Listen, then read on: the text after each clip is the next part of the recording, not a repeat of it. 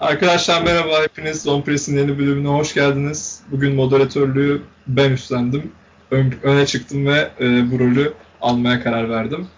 E, yani bildiğiniz üzere Batı ve Doğu serileri devam ediyor. Onlarla ilgili konuşuyor olacağız. Başlamadan önce söylemek istediğiniz bir şeyler var mı arkadaşlar? Yok. Yok. Tamam. Direkt giriyorum o zaman. Maşallah. Ee, şeyle başlayalım henüz bitmemiş olan tek serimiz Dallas Clippers. Ee, Dallas Clippers ile ilgili neler söylemek istersiniz? Kim başlamak ister? Emre senle başlayalım mı? Ben Mert'e verirsin diye düşünmüştüm. O da şimdi bir Dallas tamam, son olarak. Mert başlayalım o zaman. Tamam. Yani bu seri çok enteresan bir seri çünkü kimse kendi evinde şu ana kadar kazanamadı ve sanırım 1994'teki bir Houston e, Phoenix sanırım konferans finalinden itibaren mi ne böyle bir durum yaşanmamış hiç. Yani o tek olay ve onda da galiba 5. maçta mı ne düğüm çözülüyor. Houston kendi evinde kazanmayı başarıyor ve üst tura çıkıyor. Onun dışında bir de o, o seride galiba şey yok. NBA, NBA League Pass'te yazıyordu o serinin şey olduğunu da şey galiba ben Houston Spurs diye gördüm onu. Bir de o zamanlar Houston Spurs. Houston, Houston Spurs, Spurs bir de şey o zaman da Best in Five, Best of Five olarak yani ilk tur serisi 2-2 oluyor zaten şey son maçı evinde Houston kazanıp bitiriyor. Öyle an biliyorum ben onu. Ama emin değilim tabii şey de olabilir. İlk tur serisi ben... değil miydi? Efendim? İlk tur serisi diye hatırlıyorum ben onu. Yani 7 maçlık bir seri değil de o zamanlar ilk turlar 5 maç üzerinden evet, evet. 3 alan kazanıyordu o seride ben de öyle biliyorum. Ben aklımda öyle kalmış neyse. Ya ben de sanki şeyi hatırlıyor gibiyim. Böyle Kenny Smith'le birinin böyle e, programı vardı. Kenny Smith diyor ki işte biz bu maçı 6. maça gö- götürmemeye karar vermiştik. O yüzden ha, kazandık o, şey okay. dediğini hatırlıyor gibiyim ama şimdi çok da sıkmayayım. Neyse. Kenny Smith ee, benden daha güvenilir bir kaynak olduğu için tabii. Houston'da oynuyorsun ya. Neyse e, şimdi burada aslında Dallas'ın özellikle e, kalan maçlarda, yorumlamadığımız maçlarda yeni şeyler denediğini gördük. Yeni e, alternatifler ürettiğini gördük. Çünkü Dallas anladı ki e, birebir eşleşmelerde özellikle e, Clippers'ı tutmak çok zor. Yani Clippers çok verimli hücum ediyor. Clippers e, çok fazla böyle 10-0, 15-0'lık seriler yakalayabileceğiniz bir takım değil. Bir şekilde Georgia'da Leonard e, kriz çözebiliyor orada. Dolayısıyla bu oyuncuların e, temposunu özellikle maç başındaki ritmini bulmamaları için Dallas maç başında alan savunması denemeye karar verdi. Şimdi bu alan savunmasına karşı Clippers iyi hücum edebilir normalde. Çünkü e, üçlük yüzdeleri çok yüksek. Ama Clippers'ın sıkıntısı e, çok hızlı top çevirememeleri, oyuncuların biraz hareketsiz olmaları ve çok delici olmamaları. Özellikle bu Kawhi Leonard'ın durumunda çok fazla göze batıyor ve gerçekten e, özellikle son iki maçta Clippers çok fazla ritmini bulamadı maçın başlarında. E, alternatif oyuncular sayesinde maçın ilk başlarında tutunmak durumunda kaldı. Clippers cephesinden baktığımızda ise hala Doncic'i böyle maç içinde farklı farklı oyuncularla tutmayı deneme durumu devam etti ve hep de gördüler ki Doncic'i en iyi tutan oyuncular Rajon Rondo, e, maçların sonlarında Terence Mann ve e, son maçta özellikle gördüğümüz kadarıyla da Kawhi Leonard oldu. Şimdi 7. maç e, Clippers'ın sahasında oynanacak. E, yani Clippers da mesela Kawhi Leonard özellikle 7. maçlarda ne kadar damga vurduğunu, ne kadar baskın bir oyun oynadığını bu zamana kadar görmüştük. E, her ne kadar Clippers e, özellikle böyle psikolojik olarak, takım ruhu olarak çok iyi sinyaller vermese de maçlar boyunca 7. maçta bana soracak olursanız birazcık oyuncuların tecrübesinden dolayı ve yine Dallas'ın açıkçası Tim Hardaway Jr. dışında bir alternatif üretememesinden dolayı 7. maçta daha avantajlı gibi gözüküyor. Siz ne diyorsunuz? Emre sen ne diyorsun? Katılıyor musun? Ha dur. E, mikrofonumu açmayı unutmuşum. Özür dilerim. E, ben de şeyi düşünüyorum. E, Clippers'ın özellikle 3. Maç, maçtan sonra e, geçirdiği bir savunma e, rejenerasyonu mu desek artık ne, de, ne desek onu sevdim. Yani açıkçası e, ilk iki maçta savunmaya dair gerçekten hiçbir şey görememiştik takımdan ve Doncic yani sürklase etmişti her şeyi. E, üçüncü maçtan itibaren yani hem Kavay'ın hem Rondo ve Terence Mann'in özellikle bence burada e, o sahada olduğu dakikalarda önemli katkı yaptığını düşünüyorum takıma. Ve o yüzden de takımın hem savunmasını biraz daha düzeltmiş durumda. Zon konusunda Mert'e te- tamamen katılıyorum. Çünkü Clippers'ın en büyük sorunu bir delici eksikliği. Bireysel yetenek olarak çok fazla olsalar da deli, delme konusunda savunmanın merkezine e, atak etme konusunda çok sorun yaşayabilen takım ve bu yüzden de bazen statik kalabiliyorlar hücumda. Zone bunun bir alternatifi olabilir. Ama özellikle seri artık şu an bu duruma 7. maça geldikten sonra artık yani onun da öbürünün de çok bir ehemmiyeti bana göre kalmıyor. Çünkü 7. maç tamamen tek maç. E, ya play'imde de hani bunu konuşuyorduk. Hani sürekli bir 7. maç heyecanı, kazan ya da kaybet heyecanını yaşamak çok önemli. O yüzden hani o an sahada oyuncular ne kadarını verebilecekse vermeye çalışacaklar. Yani bu akşam da çok güzel bir maç izleyeceğiz. Ya yani benim bir e, şey son bir şeyim da sinir kusmam da Porzingis'e olacak. Yani şu an ben Damir Markota'dan herhangi bir farkı olduğunu düşünmüyorum Porzingis'in ve gerçekten çok büyük bir sıkıntıya girecek tier e, bence maç içerisinde. Yani Porzingis gibi bir oyuncuya sahipseniz onu sağda tutmak ve ondan yararlanmak istiyorsunuz haliyle. Ama size verdiği katkı yani sadece 4 şut kullanıp ikisinde sadece isabet bulabilip işte rebound'a çok katkı vermiyor. Hani hala blok katkısı biraz yapabiliyor ama yani sahada sadece duran ve çok fazla bir etki yapmayan. Yani sen Porzingis'sen yani iki tane boş şut atayım. Birkaç tane trailer'dan gelip smash basayım da maçı kapatmaman gerekiyor. Yani Doncic'in omuzlarına bu kadar yük verilmemesi lazım. Altıncı maçta zaten onu gerçekten çok aradılar. Yani Tim Hardaway'den ekstra katkı falan buldular ama yani bir kişi daha çıkarabilseydi Dallas belki maçı alıp seriyi kapatabilirdi. Ama Kavay'ın zaten inanılmaz bir 6. maç performansı özellikle son çeyrekte yani inanılmaz oynadı. Ee, ve maçı almalarına yetti. Bir de şöyle bir şey var yani ekstra bir oyuncu çıkaramamaları. Geçen bir istatistik gördüm. Onu grupta da konuşmuştuk WhatsApp üzerinden. Ya Doncic son çeyreklere gelince düşüyor. Yani öyle bir sıkıntı yaşıyor. Yani şu ana kadar seri boyunca 1, 2 ve 3. periyotlarda toplam işte 60-70 sayılar atmışken bütün e, periyotlarda ayrı ayrı son periyotta attığı toplam sayı 30 civarı falan 32 falan olması lazım. Yani yarı yarıya bir düşüş var. Toplam bütün maçlarda attığı sayı olarak bahsediyorum. Yani son çeyreklerde etkisini gerçekten düşürüyorlar ve e, bu yüzden bir bir kişi daha ihtiyacı var Dallas'ın. Ya o bazen Tim Hardaway oldu. Jalen Brunson yer yer e, kötü e, maçlar geçirdiğini söyleyemem. Hani o da elinden gelen katkı vermeye çalıştı ama bunlar sınırlı profiller. Porzingis gibi bir oyuncudan katkı alamazsanız seri kapatabilir misiniz? Ben ondan açıkçası çok emin değilim deyip sözü Muti'ye vereyim. Ya şey, Muti'den önce çok kısa bir okay. araya. Porzingis'in şu anki durumu bence biraz şey, e, Doncic'in yanına adapte olamamakla da çok alakalı gibi geliyor bana.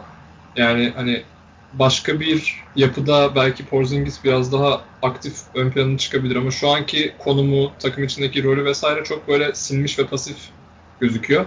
Neyse Porzingis ve 7. maç demişken Nuti'ye de sözü vereceğim. Abi Hem, öncelikle e, şuraya gireceğim ben. Porzingis'in yani direkt düz kadroya, oyun yapısından yanında oynayacağı stara baktığımızda en adapte olması gereken takım falan Dallas. yani şöyle Anthony Davis LeBron örneği gibi düşünün. Yani light Anthony Davis LeBron şeklinde bir ikili oluşturabilirler teoride. Normalde hatta oluşturmaları gerekiyor. Yani Doncic'in yanında bu adam işlemiyorsa çok pardon.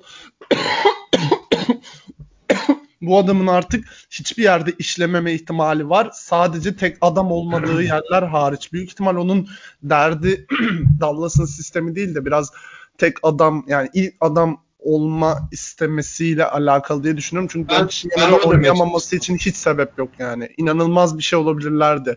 Eğer her şey düşünüldüğü gibi olsa.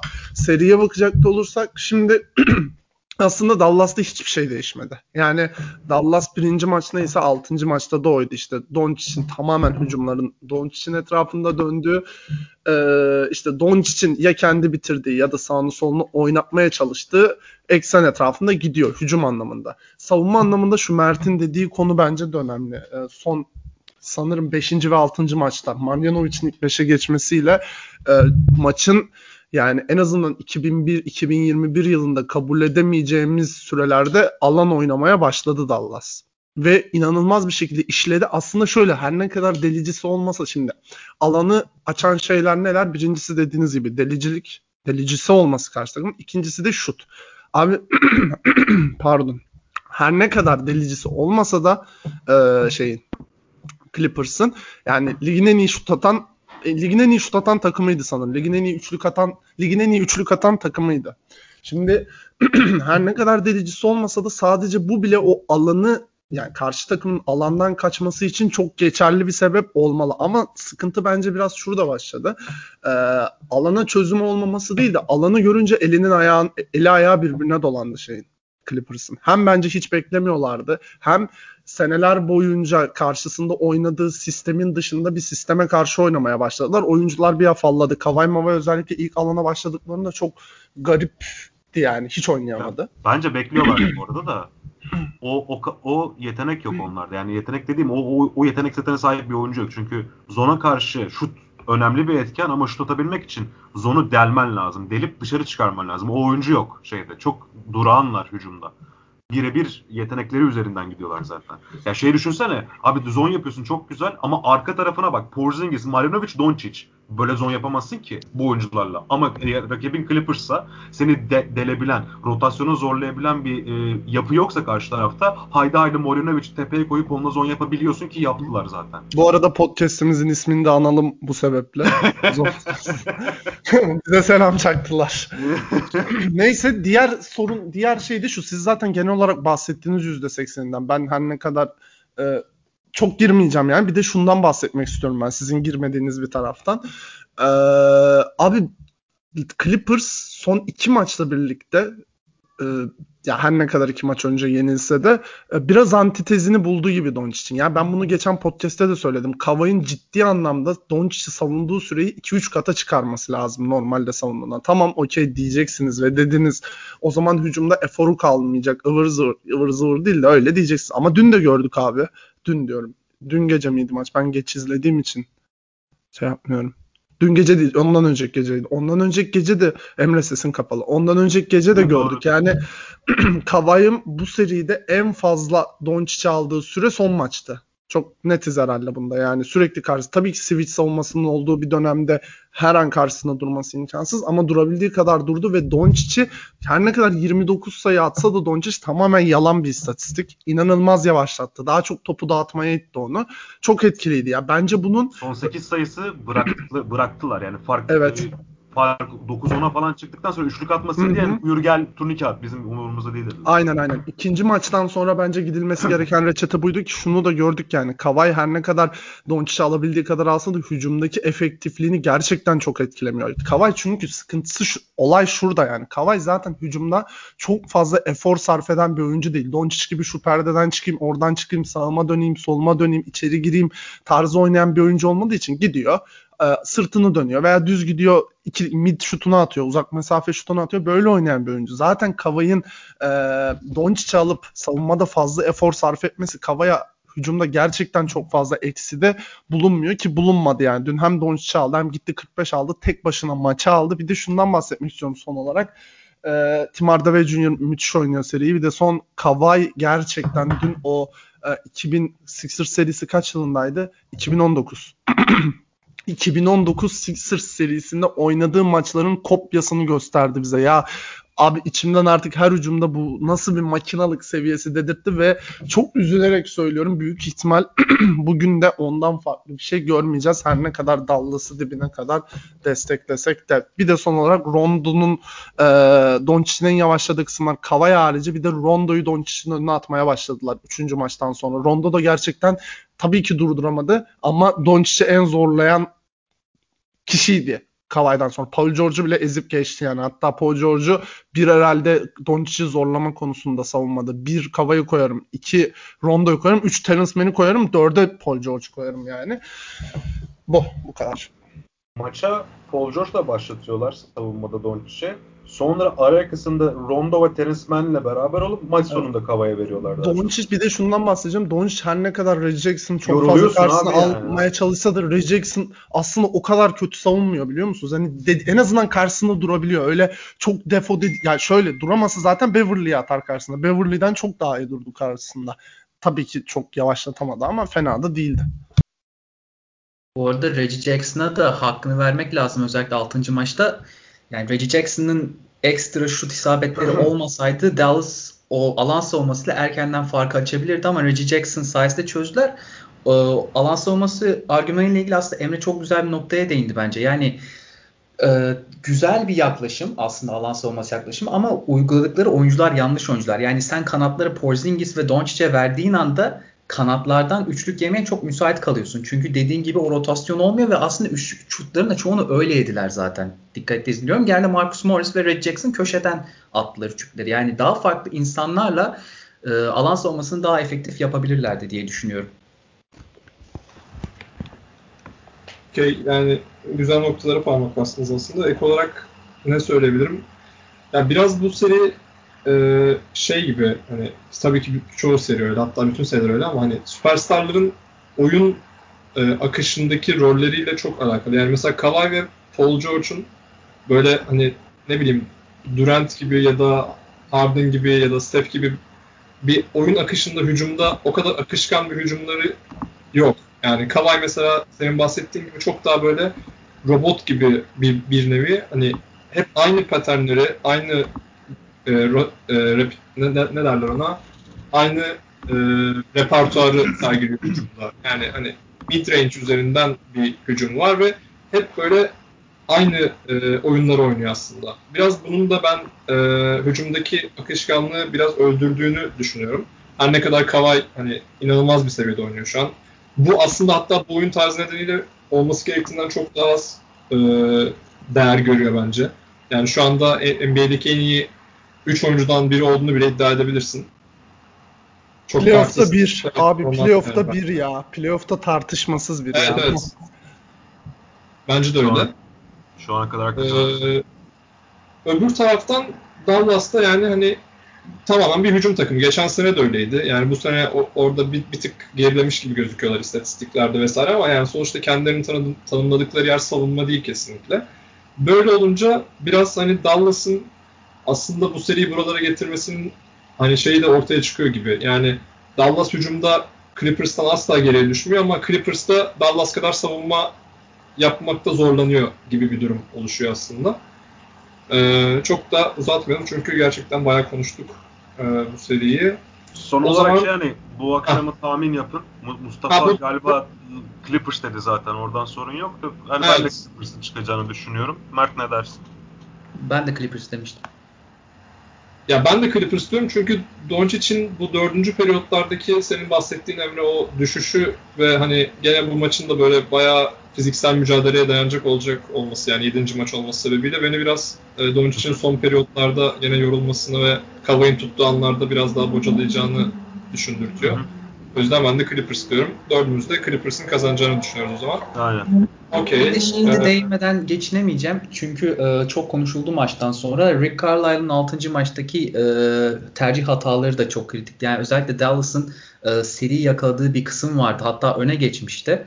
Orada gitti. Bir dakika sonra televizyon molası olacak olmasına rağmen mol aldı. Hatta Doncic çok hızlı molaya ihtiyacınız yok diye bağırdı. Dizlerini dövdü. Yani şovmenlik yaptı orada. Zaten. Had, hadsizlik ya. Bir hadsizlik yaptı Don, orada. Doncic'te bir dramatiklik var zaten ya. Yani bu kadar hani Abi Doncic yani, dramatizmin Allah'ı ya. Bildiğin Allah'ı Kavay'ın yani. tam tersi ya. Hem şey olarak, kişilik olarak hem de oyun olarak bence çok hani tam zıt birbirlerinin antileri gibiler yani. Neyse. O moladan sonra Clippers çok ciddi momentum yakalamıştı onu da söyleyeyim. 7-0. 7-0. Öne geçtiler işte oradan sonra. Evet, evet. 7 mi? 7 mi 5 mi? 5-0 galiba. Hatırlayamadım şimdi. İşte Kavay'ın iki tane üçlük attığı bir de 8-0 galiba ya. Neyse boş ver. Çok evet. Beyler gerçekten yani güzel bir seri ama biz de çok zaman harcadık üstünde. İsterseniz Doğu serilerine geçelim. Bir tane daha ama şöyle şundan dolayı üzülmedim. Ben en çok bir dakika. En, en çok konuşulması gereken seri buydu zaten ya. Bir seri de böyle olsun. Ne olacak? Evet evet. Bence de öyle. Ee, şöyle Şeyi unutmadan belirtmeyelim. Şimdi yani Utah Memphis'te bitti ama rakibi belli olmadığı için o seriyi ve buradan çıkacak kardeşi konuşmayacağız. Onları bir sonraki programa bırakırız büyük ihtimalle. Şimdi Doğu'da eşleşmeler belli. Hatta bir tanesi oynandı. Ee, aynı zamanda da işte Batı'ya da geri döneriz hatta. Yani istiyorsanız hatta direkt Batı'dan devam edebiliriz ama ma- maç oynandığı için doğudan devam etmek daha mantıklı olur diye düşünmüştük. Batı'ya sonra Aha. tekrardan geri döneriz. Ee, yani şöyle buradaki eşleşmelerde başlarken hani e, bir tane eşleşmeleri de zaten değerlendirmiş oluruz bir tabii, küçük. Tabii. O yüzden ilk eşleşmemizde başlayalım. Ne vardı? Hemen bir kontrol ediyorum. E, Brooklyn Nets var. Önce bence onunla başlayalım. Evet tamam Brooklyn'le başlayalım. O oynanmış oynanmış maç hazır zaten önümüzde. Olur. Önce küçük bir Brooklyn Boston özetini bir kişi yapsın isterseniz. Kim öne çıkmak ister? Emre sen yapmak ister misin? Valla ben özet özet yapmayacağım açıkçası. Yani bu seriyi çok konuştuk zaten ve yani e, bakmak isteyenler ta ilk programa gidip bakarlarsa biz nasıl bir seri beklediğimizi gayet söyledik. Tatum, Biraz o yüzden sana pas verdim zaten. Tatum 50 atar dedik. Tristan 10 tane hücum rebound alır. Boston bir maç alır. Sonra yetemez dedik. Boston yine benim beklediğim kadar oynadı yani. Savunmada 130 rating yemelerine rağmen ben yine de iyi tuttuklarını düşünüyorum Brooklyn'i. Çünkü yani o kasa bir takımın e, Boston gibi aslında defektif gözüken bir takıma karşı hani şaka yapmıyorum 5 maçlık bir seride 140'ları falan bulmasını beklerdim ben böyle. Yani 138-145 arası offensive ratingleri bulmasını beklerdim. Bence 130 kağıt üstünde çok rezil bir şey gözükse de ben Boston'ın orada hakkını vermek istiyorum. Enteresan oyunculardan güzel katkılar aldılar. Romeo Langford gibi, Aaron Nesmith gibi onlardan fena olmayan katkılar aldılar ama bu kadar zaten. Yani Boston'ın ederi bu. Ederi bu olduğu Peki, için de bu kadar. Çok pardon. Şey, Boston demişken istersen bu son hamleleri de bir konuşalım. Brad Çok Stevens. ufak bahsedelim. Bence onları da bir sonraki programa bırakabiliriz. Evet. Yani, tamam. yani işte, ya fark etmez. Programı bu programı o kadar uzatmanın manası var mı bilmiyorum ama yani e, keyfinize göre. Yani istiyorsanız konuşabiliriz, istiyorsanız konuşabiliriz. Onu ayrı bir programda konuşalım o zaman. Doğru diyorsun. Şimdi konu çünkü çok alacak. şey aynen çünkü yani e, daldan dala gitmeyelim. Çünkü yani söyleyeyim iki tane mevzu var. E, hem Portland'ın deri statsı deri stat, Terry Stats'ı kovması hem de şey e, Danny Ainge'in e, görevden ayrılıp GM'lik görevinden ayrılıp çok enteresan bir şekilde Brad Stevens'ın e, full time general manager olduğu bir hava var. Bence bunları e, bir sonraki programa bıraksak daha güzel. Tamam, o zaman daha, daha hakkını vererek konuşabiliriz. Hatta sene sonu şu gelişmeleri konuşurken falan bunu da konuşuruz olma. Sene sonu Olur. bile konuşabiliriz yani. O zaman Brooklyn Milwaukee'ye e, devam etmek ister misin Emre? Brooklyn Milwaukee'ye devam edeyim. Ben e, dün maçın e, ilk yarısını canlı, ikinci yarısını sonradan izledim.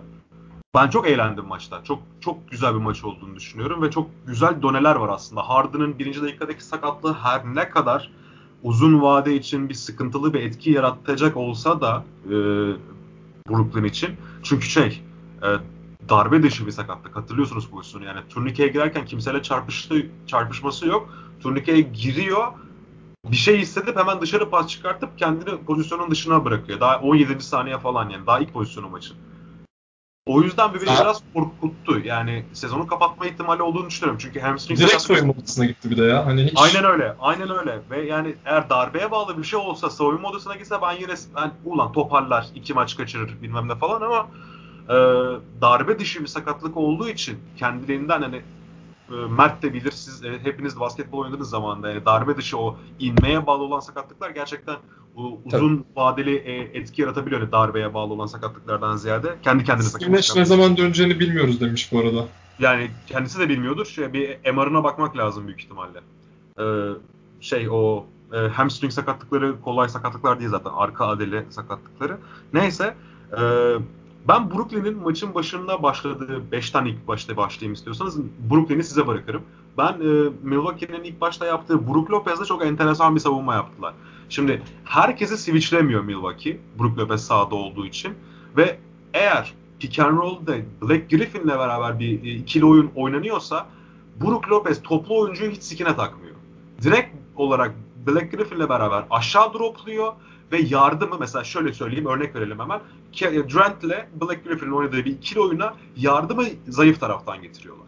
Yardım zayıf taraftan geldiği zaman şimdi yardım kimden geliyor? Aslında Kyrie'den geliyor. Ya da Joe Harris gibi oyunculardan geliyor. Ama bunları iki tutan iki oyuncu Drew Holiday ve Chris Middleton gibi yani savunma IQ'ları çok yüksek iki tane oyuncu olduğu için çok kolay help and recover yapabiliyorlar. Çünkü mesela Drew Holiday geldi. Durant'in e, drive yolunu kapattıktan sonraki anda hemen Kyrie'ye çıkan bir pas var. Drew hemen geri dönebiliyor oraya.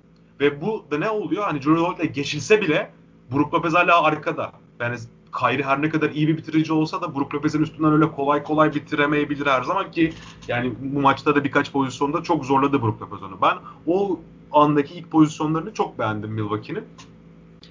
Yanis'i çok fazla kullanabildiklerini düşünmüyorum. Yani çünkü Yanis'in karşısında abi Black Griffin falan kaldı. E, Durant kaldı. Yani kimse yok zaten. Yani Bruce Brown kaldı. Bruce Brown dediğin adam veya benle aynı boyda falan değil mi? Yani 1.90 falandır büyük ihtimalle. Mert'le aynı boyda büyük ihtimalle. 1.98 falan diye biliyorum. Ya, ya ben daha kısa olduğunu düşünüyorum yani. Tam çok iyi bir oyuncu, çok severim falan ama yani götü yere yakın. Oradan bir şey yapamazsın yani. Yanis daha fazlasını beklerdim ben Yanis'ten. Açık sahayı zorladılar. O güzel bir şey çünkü Brooklyn'in geri koşacak hali yok. Yani Abi 1.93'müş pardon. yani sen senle aynı değil mi? Muti'den kısa. Galiba. Ben aynı böyle. Ne, neyse e, açık alanı daha fazla zorlaması gerektiğini düşünüyorum ben. Çünkü eğer Brook Lopez sahada tutabiliyorsan çok ki tutabildiğini gösterdin. Yani ben bunu hiç beklemiyordum. Yani ben sürekli alkış yapıyorum ya. Ben, ben bir de Michael, Michael bundan dolayı alkışlayayım. Ben çok beğendim bu savunma stratejisini. Onu nasıl çözdüler? Griffin pop yaptı. İlk periyodun sonlarını hatırlayın. Griffin pop yapmaya başladı. Ve sürekli 2-3 tane üçlük buldu. O biraz canını yaktı. Ama Black Griffin'in şutunu bırakır mısın? Açıkçası ben buyur paşam at derim yani. Yani abi, 7'de 4 mü ne attı yalnız ya? ya Atsın abi ya benim, benim için sorun değil. Yani her zaman böyle atacağını zannetmiyorum. Abi yok hiç katılmadım bu dediğine ya. E- Black Griffin çok nokta şutör oldu ya son 3-4 senesinde falan. Hiç hiç hiç katılmadım. Hayatta yani bırakmazdım şöyle yani. söyleyeyim ben sana bırakabileceğin tek oyuncu o. Durant'ten orta mesafe mi yersin, Griffin'den 3 mü istersin? Yani ben. Griffin-. Yani. Griffin'den kötü şutör değil ama yani öyle ahım şahımda bir şey değil. Yani Joe Harris, Kyrie Durant varken bu- buyur Black Griffin'in şutuyla yen beni derim açıkçası ben. O yüzden beğendim. Ve bunu grupta sen de demişsin ben e, sabah biraz geç uyandığım için cevap veremedim ona ama Brook Lopez cidden çok kritik olacak Milwaukee için bu seride. Çünkü onun da matchup'ı yok. Yani DeAndre Jordan'ı kullanmadılar. Nicholas Claxton zayıf kalıyor, ince kalıyor Brook Lopez karşısında. Yani Brook Lopez gerçekten 20-27 dakikalık ortalamadan eğer 35'lere falan çıkabilirse, sahada kalabilirse ben çok önemli olacağını düşünüyorum ben bunun Milwaukee için. Çünkü hücum reboundu, savunma reboundu ve aynı zamanda bunları tetiklediği açık saha riski var. Çünkü abi Brooklyn hiç geri koşamıyor. Yani birkaç pozisyon var maçın başında yol geçen anı böyle yani açılmışlar böyle şimdi size elimle gösterdiğim için. Ee, bunu belki YouTube'a da koyarız bilmiyorum yani nasıl yaparız onu ileride de. Bütün yol açık yani Drew Holiday geldi direkt giriyor. Yanis geldi direkt giriyor ama Yanis'in daha fazla kullanılması lazım. Özellikle yarı sahada. Middleton biraz sorun yaşadı maçta. Onda da e, toparlayacağını düşünüyorum. Ben bu maçtan bayağı zevk aldım ve e, hakikaten bir 7. maça gidecek bir seri olarak görmeye başladım diyeyim. Sözü Mustafa'ya bırakayım. O da Brooklyn değerlendirir büyük ihtimalle.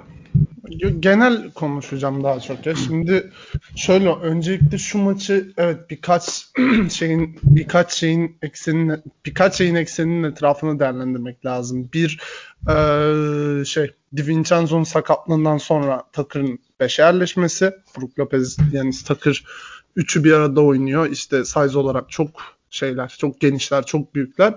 Ee, ikinci taraf evet Harden'ın bir sakatlığı oldu ve serinin geri kalanını bayağı etkileyecek gibi duruyor. Yani şöyle söyleyeyim ben sana. Dediğin gibi sakatlık ciddi olabilir. Yani hiç darbe yoktu. Hiç durup dururken sakatlandığı için. Ee, çok rahat Nets'in alacağını düşünüyordum ben bu seriyi. Bayağı bir kişinin aksine 4-1, 4-2, 4-2 gibi bir Nets'in alacağını düşünüyordum ama şimdi ne olur bilmiyorum. Oradan birazdan değineceğim zaten. Şimdi şöyle konuşalım öncelikle. Ben de bir Bucks tarafından gireceğim. Sonra Nets tarafına çok minik bir yardıracağım. Şimdi ee, sen detaylara girdin zaten. Savunma kısmına pek karışmayacağım da. Şimdi öncelikle şu Antetokounmpo'dan bu maç üzerinde şundan bahsedeceğim. Antetokounmpo ee, şimdi 34 sayı 11 rebound 5 asist yaptı bu maçta. Yani dışarıdan baksan of tam playoff Epik, maçı oynamış. epik diyorsun değil mi? Kawhi standartında epik bir şey oynamış bu adam da. Yani bu kadar istatistiğini yansıtmayan İstese 50 atardı. yani A- evet 60'lığı aynen. 60'lığı var sezon içerisinde. Evet evet. Bu kadar istatistiğini yansıtmayan bir oyun olur. İkincisi benim şaşırdığım bazı detaylar var. Birincisi e, Nets'in savunma tarafında şöyle gariplikler var. Ben mesela Yanis potanın yakınında topu aldığı zaman düşünürdüm ki herhalde yardıma giderler. Bir şey olurlar. Artı bir strateji yaratırlar. Bilmiyorum şu an ne olur oradan da yardım savunması gibi düşünebiliriz yani bunu. Griffin'i çok fazla arkasına aldı Ante. Griffin normalde şöyle düşünürdük seriden önce. Griffin'in zaaflarının üzerine oynayacaklar. Hatta Griffin'i ilk 5'ten kesebilir mantığıyla düşündüğümüze eminim. Ama bir, Griffin'in Griffin onun arkasındayken bir yardıma gitmediler. İki, Griffin her ne kadar çok iyi bir savunmacı olmasa da hiç sırıtmadı. Ya tabii ki çok rahat dönüp birkaç tane attı üstünden. Okeyim buna. Ama en azından beklediğimiz kadar sırıtmadı. Yani ekstra bir şey yapmadı ama çok çok çok zararda yazdığını düşünmüyorum. Hele Yanis arka arkaya kalmışsın yardım gelmiyor daha ne yapabilirsin? Böyle düşünebiliriz. İkincisi Brook Lopez'in evet dediğin kısım şu an baktığımda minus plus kısmında Brook Lopez oyundayken eksi 8'miş aslında Milwaukee. Şaşırdım açıkçası. Daha böyle net e, bir şeyler bekliyordum. Yani 0, 1, 2 Kaç gibi bir şey bekliyordum. almış? kaç 27 dakika civarı bir şey almıştı yanlış hatırlamıyorsam ama Brook Lopez'in kesinlikle 35-36 dakikaya çıkabiliyorsa çıkması lazım. Çünkü Brook Lopez'le eşleşemiyorlar dediğin gibi. Hele bir ara kevgire çevirdi o pota altını. Zaten Bucks'ın en etkili oynadığı zamanlarda o Brook Lopez'in oynadığı bir 20 dakika vardı. Yani Orasıydı. şey Hiçbir düşün. şekilde. Marjanovic'i nasıl Carlisle sahaya attı? Çünkü şey de kısa kalıyor. e, Adını sen söyle. Clippers de kısa kalıyor. Doncic pata pata pata long passları atıyor. Şimdi Evet. Lopez Marjanovic'den 100 kat daha daha Aynısını yetenekli- yapabilirler. Daha, Yani. Ve daha yetenekli bir oyuncu yani Evet. teknik olarak. Dış şutu da var herkese aynı zamanda baktığınız Hı hı. zaman. Hakikaten orayı zorlayabilirler. Ya ben Katılıyorum. o eksende çok e, enteresan bir seri izleyeceğimizi düşünüyorum. Ee, diğer tarafta şu şimdi ee, hangi kısma gireyim? Dediğim gibi Antetokounmpo'ya çok bir önlem alınmadı. Onun harici şöyle şu birkaç detaydan bahsetmek istiyorum. Bir şey Holiday çok fena Senin oynamadı da. Senin, Efendim? senin not- notun mu var? Not köşede var da bakıyorum Kral, kral. Normalde hayatta almam ama bu sefer almışım ya bu maç üzerinde. Bence de Tabii, ilk. tabii. Evet evet hayatta almam da bir bakıyorum ufak köşeye telefonun notlarına kaydetmişim. İkincisi Middleton çok kötüydü. Yani Middleton'ın daha böyle bu kadar kötü yokları oynayacağı bir maç olur mu bilmiyorum. En büyük etkiler bakıyorum şuraya abi 23'te 6 atmış. Hani 23'te 6 atmış. E Middleton da böyle oynuyorsa Nets'e zaten maksimum yapabileceğim budur. Onun harici birkaç tane övgü kısmına gireceğim. PJ Tucker Durant'i her ne kadar Durant çok çok iyi oynamış olarak de inanılmaz savundu. Yani zaten Durant'in böyle boyundan dolayı kaldırıp atabileceği şeylere çok bir şey yapamıyorsun. Ama ona rağmen çok çok iyi savundu. Ve Durant'i ben şöyle aslında bilmiyorum. Biraz etkisiz buldum. Tamam yaptığını zaten yaptı ama içeri hiç giremedi. Yanis karşısına çıktı 3-4 Tabii, tabii. defa inanılmaz durdu karşısında. Brook Lopez birkaç defa durdu. Tucker birkaç defa durdu. Durant hani kendi standartının altında bir oyun oynadı bence. Onun harici Griffin'i biraz övmek lazım. Griffin dediğim gibi savunmada hem düşündüğümden daha iyi oynadı. Hem hücumda boşlukları soktu. Hem inanılmaz mücadeleciydi. Hiç geri adım atmadı. Her topu atladı. Maçın X faktörü direkt Griffin'de. Hem diğer maçlar Peki, böyle yapabilir oldu miyim mu? Çok ufak. Ha, Mike James'in diyeceksin. Yok hayır hayır şey konusunda. Durant çok fazla içeri giremedi falan dedin ya. Onun sebebi işte Brook Lopez'in dropta tamamen arkada kalıp zayıf taraftan yardım getirmeleri. O abi onu nasıl çözdüler ikinci yarı hatırlıyor musun? Kyrie, Kyrie Durant pick and roll yapmaya başladılar. Kyrie de Durant'le beraber ikili oyun oynattılar. O zaman ortada Brook Lopez olmadığı için switch yapıyorlar. Şimdi Kyrie kim savunuyor? Holiday savunuyor. Yanis'i sallıyorum Tucker ya da Yanis savunuyor. Durant'in karşısında Holiday kaldığı zaman Tamam Holiday müthiş savunmacı da abi kısa o da bücür yani kaldırı kaldırı atıyor. Ki zaten çoğu sayısını da öyle buldu. Ya transition'da gelip birkaç tane orta mesafe atıp ya da bu ikili oyunlar sonrasında buldu sayılarını. Onu onu da iyi çözdü Milwaukee. Bu arada hep köşeden ben oynadılar onu. aynen. Hep Bir de oynadılar. Yani Bu Aynen, arada, aynen. bu arada ben bir de şunu çok merak ediyordum. Harden'ın sakatlanması bir de beni şu yandan üzdü. Ee, Bucks'ın nasıl bir hüc- savunma stratejisiyle oynayacağını gerçekten merak ediyordum. Sallıyorum. Ee, Holiday kimi alacak? Irving'i mi alacak? Ya tamam tahminlerimiz vardı ama Irving'e mi verecekler? Harden'a mı verecekler? Öbür taraftan Vincenzo'nun olmamasını nasıl kapatacaklar? Çünkü şimdi bir üç tane hiper süperstarı savunmak var. Bir de iki tane var. Baştan aşağı savunma stratejini değiştirebilecek bir durum. Harden'ın direkt çıkmış olması. Bunu merak ediyordum. Bunu göremedik. Buna üzüldüm ve böyle bir durum olduğunda da Griffin'i bu kadar sahada tutabilirler miydi Harden olsaydı? Buna emin değilim. Bir de şu konuya gireceğim. Mike James. Harden olmadığı için Mike James 30 dakika süre almış. 30 dakika ve tamam savunmada çok bir şeyini göremedik. Okey ama zaten 46. Mike James oynadığında da zaten karşısında bir kısmında Brian Forbes vardı. Bir kısmında hatırlamıyorum şu an kim var. Öyle çok çok savunma yapmasına da Connington'ları falan verdi. Evet çok çok savunma yapmasına da gerek kalmadı açıkçası ama Mike James inanılmaz oynadı. Şu anlamda inanılmaz olmalı. Maçın e, ilk yarıda özellikle bu tıkandığı noktalar demeyeyim de daha yavaş gittiği noktalarda çıktı bir 8 sayı attı. Patı, patır patır 8 sayı attı. Onun harici rebound katkısı vardı. Çok kritik. iki, iki uzunlu oradan birkaç tane rebound aldı. Bayağı şaşırdım onlara yani. ben de Böyle onu de söyleyecektim. Hızlı çıkmasına ihtiyacı var yine. Brooklyn'in de tempoyu zaman zaman tempo arttırmaya ihtiyacı var. Milwaukee kadar olmasa bile ama ihtiyaç halinde camı kırınız. Kısanın reboundu alıp direkt çıkması iyi olur. O direkt oyuncusun Ve da. onun harici şunu da çok gördüm ben. Durant'in reboundu alıp Mike James'e verip Mike James'in patır patır sol köşeden yardırdığını da çok fazla gördüm maç içinde. Harden varken bunu yapamazsın. Apayrı bir konu. Ee, bir de şundan bahsedeceğim çok kısa. Nets e, şöyle çok Aizu üzerinden oynadı. Mert girecek büyük ihtimal buraya. Zaten olması gereken o. Ama Nets'in şu maçta şunu fark ettik. Maç bir kere çok antrenman havasında. Nets çok rahat kazandı maçı ya. Hiç playoff havası yoktu ve gerçekten çok rahat kazandı. Hani en çekişmeli geçecek serilerden biri olarak görüyorduk. Ee, yani 3. çeyrek başında fark 10, 4. çeyrek başında fark 10'du. Yani ufaktan salış moda geçtim ben. imkansız buradan vermeleri dedim. Çok rahat gidiyorlar dedim ve e, şöyle Antetokounmpo bir ara abi Antetokounmpo gitti bir ara 3 tane üst üste dış şut denedi. Hatırlıyor musunuz? 4. çeyreğin başında sanırım. Ben dedim bir sana artı bir de önlem almamışlar. Bir ne oluyor'ya girdim. Gitti 4 hücumda bir mid denedi, 2 tane üçlük denedi falan. Oralar çok ilginçti. Çok ilginçti. Herhangi bir önlem al- alınmamasına karşı Antetokounmpo'nun da biraz basireti bağlandı bu maçta. 34 sayı atmasına karşın. Bu kısma da bence ufak bir değinmeliyiz.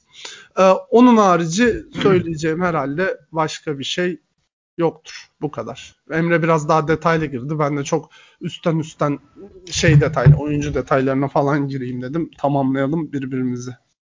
O zaman buradan Mert'e bir paslayalım. Ben de en son bir özet yapacağım. Bu maçta Mert burada mısın? Ha.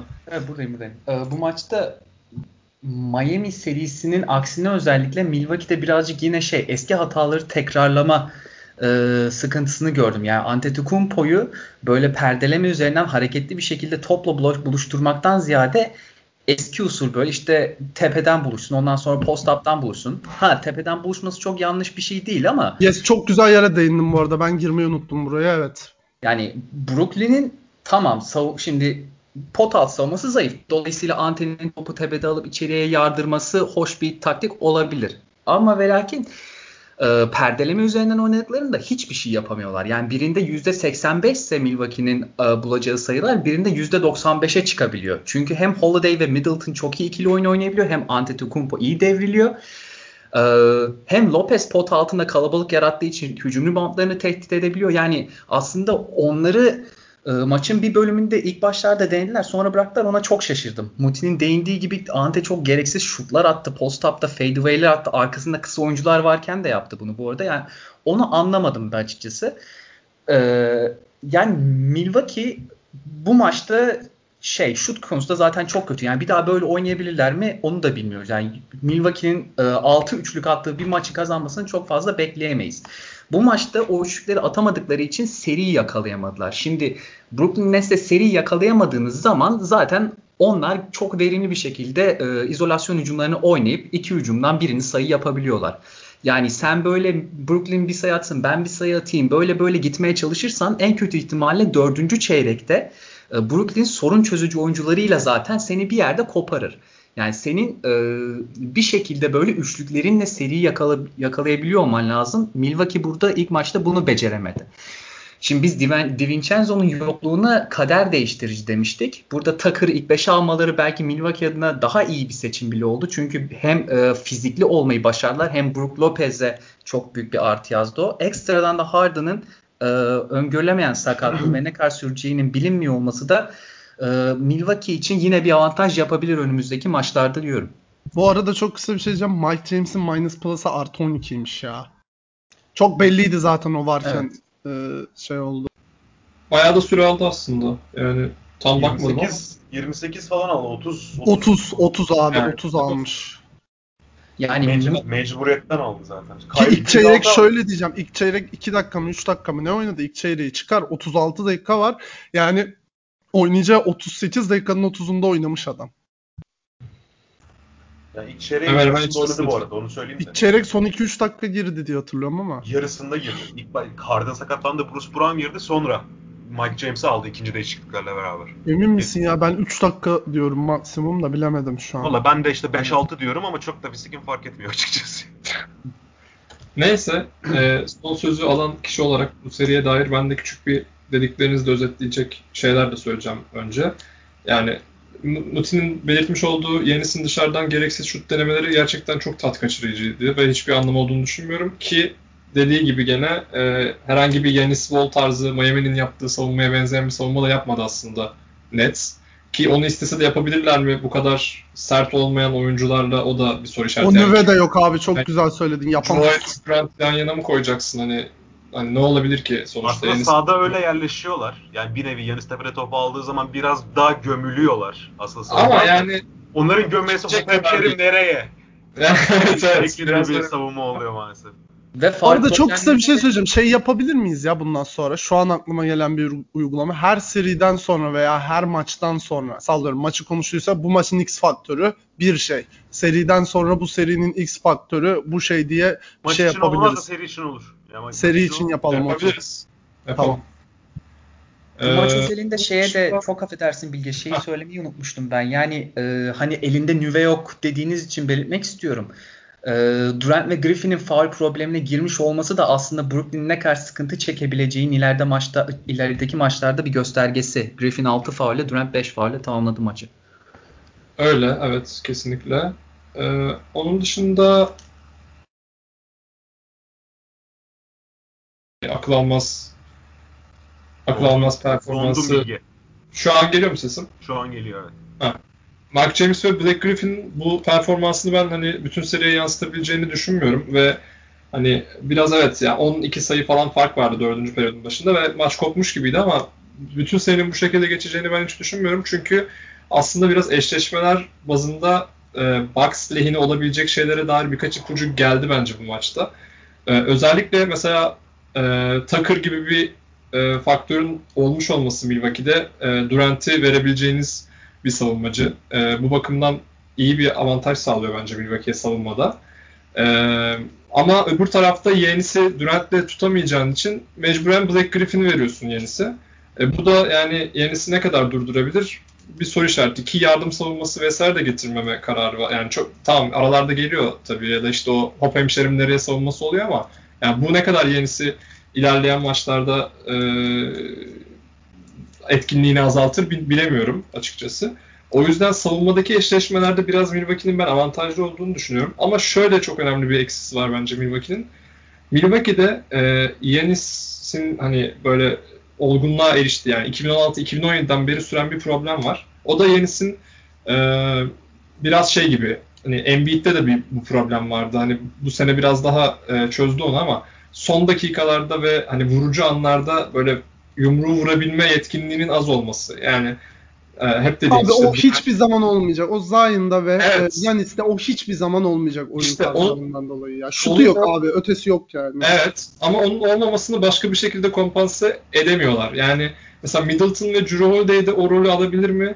Ben çok emin değilim. Hani kariyerlerinin belli dönemlerinde bunu yaptıkları dönem oldu ama düzenli olarak istikrarlı bir şekilde böyle hani o mental darbeyi vurabilecek bir şekilde ipleri eline alıp takımı sürükleme olayı ikisinde de aslında çok fazla yok bence. Ve bunun sıkıntısını yaşayacaklarını düşünüyorum ben seri boyunca.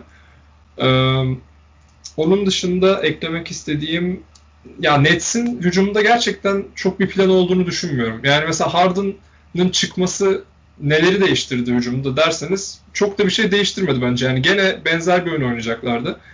Biraz daha Ee, düzenli oynayacaklardı sadece. bir tık daha düzenli oynayacaklardı ama yani hani öyle bambaşka da bir oyun oynayacaklarını düşünmüyorum. O da biraz soru işareti. Yani tamam hani elinizde çok yetkin oyuncuların olması bunu iyi oynayacağınız anlamına da geliyor bir yandan ama yani gene de bu çok sürdürülebilir bir şey gibi gelmiyor. Yani 7 maçlık bir seride hani bir maç Kyrie'nin şutunu sokamadığı bir maçta çok problem yaşayacağını düşünüyorum ben Nets'in mesela. Ya da Durant'in hani aynı şekilde. Ee, o bakımdan da ben Nets'i biraz avantajsız gördüm. Yani aslında maçın e, sonucundan biraz bağımsız olacak şekilde çok dengeli bir seri bizi bence ben- hala bekliyor. Yani o konuda bir benim düşüncemde değişiklik olmadı bu maçın sonucunda. Ee, isterseniz bir tahmin aşamasına geçebiliriz. Şimdi ben başlayayım. Şimdi değişken var. Çok büyük bir değişken var burada yani. Hani Harden olacak mı olmayacak. Ben iki şekilde de Nets'in alacağını düşünüyorum da Harden olursa e, 4 bir- yani herkesin tersini düşünüyorum ben biraz ama Harden olursa 4-1 diyorum. Harden olma Harden Harden olursa öyle demiştim de şu an 4-1'e çevirdim. Sonuçta bir maçı gördük yani. Hani çok antrenman şeyine gitti maç. O etkiledi beni biraz. Harden olursa 4-1 diyorum ama Harden'ın olmayacağı senaryoyu konuşmak daha doğru büyük ihtimalle. Abi her şeye rağmen şimdi 4-2 daha yakın geliyor ama 4-3 diyeceğim. Neden 4-3 diyeceğim? Abi 7. maça gitti mi Yanis'i e, birinci adam olan bir takımla Durant ve Irving'in birinci alan adam olduğu bir takımda ben Bucks'ın 7. Çok maçı alma şey ihtimalini görmüyorum yani. Hani bir düşünsenize bir son bir dakika kalmış. Bir topu Yanis'in eline veriyorsunuz, bir de Durant'in eline veriyorsunuz. Sadece bunu düşünmek bile yetiyor yani. O yüzden Yanı biraz seninle vermiyorsunuz da. vermiyorsun. Artık. safe bir seçime gideceğim. Ben 4-3 net istiyorum. 7. maça giderse de çok çok çok net net istiyorum. Hatta iddia da oynarım yani. Buna. Sana çok katılıyorum. O yüzden hemen ben to- topa girdim. 4-3 eğer 7. maça giderse tam dediğin gibi bir maç olur ve Nets orada işi bitirir. Ama öbür türlü bir senaryoda da hani 4-2 Bucks galibiyeti de beni hiç şaşırtmaz. Hangisini öyle. seçeceksin peki? 4-2 Bucks mı 4-3 net? Ya ilk maçın üstünde şimdi 4-2 Bucks demek bayağı zor olacak. Çünkü Evet sadece aynen. önümüzdeki 5 maçın birini alacak demiş oluyoruz yani Nets. O biraz absürt. Durant o yüzden var abi. Durant gibi bir adamın yani inanın önümüzdeki 5 maçın sadece birini alacağını düşünmek çok hayal işim. Bak bu ikisi öyle diyecek. Bildiğim için bok atmaya başladım şimdiden.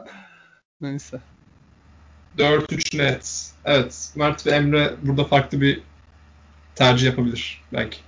Ben mi başlayayım Mert? Olur. Sen başla. Ya ben seriden önce zaten hani 4-2 Bucks istiyordum. Ee, bu 4-2 Bucks dememin sebebi de fikrimi değiştirmeyeceğim. Şimdi Harden'ın yok diye da ilk maçı Nets aldı diye herhangi bir e, ekleme çıkarma yapmayacağım ama bunu düşünmemin sebebi şimdi abi Nets hakikaten NBA'in hatta belki de dünyanın gelmiş geçmiş yetenek seti en fazla olan oyuncu grubuna sahip takım. Yani böyle bir ofans gücü çok çok kolay elde edilebilecek bir şey değil. Hani elini kolunu sallaya sallaya 130-145 sayılara çıkabilecek bir takım gibi bir e, havaları var. Eyvallah çok güzel. Ama buna karşı verebileceğin en büyük antidot Milwaukee'de. Yani Milwaukee yenemezse Nets'i zaten başka hiçbir takım yenemez. Nets'e ben şampiyonluğu verelim derim en e, kaba tabiriyle. Çünkü birebir eşleşmelerini yapabiliyorlar. Ve ben şeyden gerçekten çok etkilendim. Maçın başında Harden'ın sakatlığından sonraki Milwaukee'nin önde götürdüğü bir buçuk periyotluk bölümde ben Milwaukee'nin Brook Lopez'i sahada tutabilme stratejisini gerçekten çok takdir ettim. Ve buna eğer biraz daha modifiye edip biraz daha yontabilirlerse ve Brook Lopez'in savunmadaki bu defosunu e, kaldırıp onu hücumda biraz daha kullanabilirlerse bu size avantajının Milwaukee'nin gerçekten çok işine yarayacağını düşünüyorum. Ve her şeye rağmen senin Durant'i durdurabilecek bir oyuncun var. Yanis adı. Merhaba. Yani son periyotta tamam çok güzel gelip kaldırı atar da abi Yanis'in üzerinden o kol, topu atmak da çok kolay bir iş olduğunu düşünmüyorum. Takır da fena iş çıkarmıyor bu arada yani ilk maç özelinde. Abi o zaman Irving'e verir Emre'cim. Bunun çözümü belli Abi o- bak. E onun da karşısında Drew Holiday var yani. Ben mi savunacağım abi Kyrie'yi? Drew Holiday var yani. Bir şeyler yapabilirler hala. Yani ben- ben- daha Kardeşim switch şey diye bir şey var. Hani istese Drew Holiday'i almaz karşısına yani. Perdeyle öbür taraftan çeker başkasını Abi yani. istese de Durant, yok bakın. switchlemez o zaman. Yani bu, bunu şey yapamayız. Ben sadece tabii yani sen de spekülasyon yapıyorsun. Ben de spekülasyon yapıyorum. Yok zayıf bir savunmacısı yok ama zaten Milwaukee'nin. Hani gel seni alayım diyebileceği bir oyuncu var mı Milwaukee'nin savunmada? Kolay kolay yok. Abi yeri geldi Kevin Love Stephen Curry'nin karşısında kaldı. Yani o iş son topa savundu da kaldı. yani aynen. O kadar şey değil. Her şey o kadar siyah beyaz değil yani.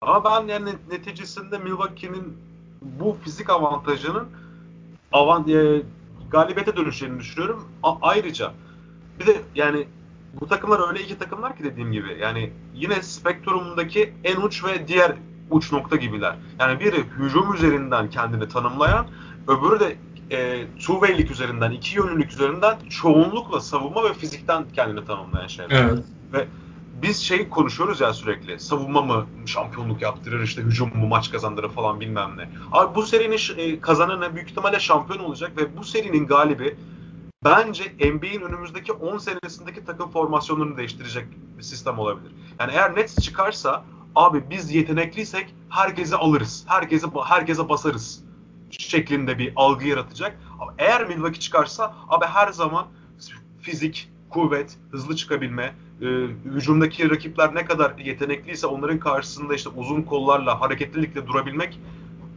gibi bir anlayış daha baskın olacak diye düşünüyorum. Herkesin Kyrie ve Durant gibi bir silah olursa dediğini yapsınlar tabii. yani, yani öyle işte ya, ya şey mesela işte yani herhangi bir örnek verebilirsin. Hepsi tabii bir alt daha seviye olacak bu üçlüden de. Dediğimi anladım ben. Genel Evet, evet. bahsediyorum.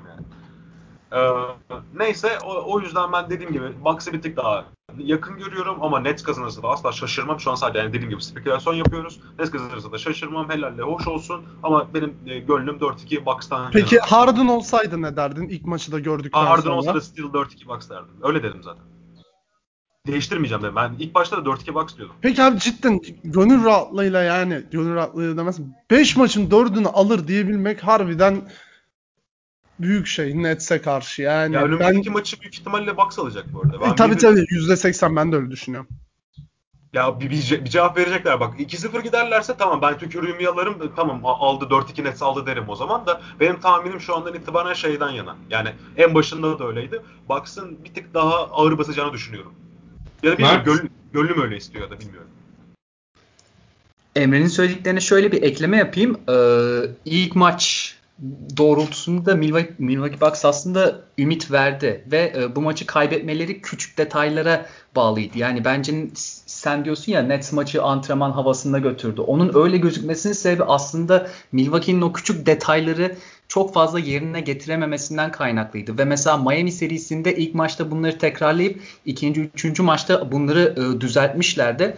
E, dolayısıyla ben Milwaukee'nin ikinci, üçüncü maçta bunları düzeltebileceğine inanıyorum.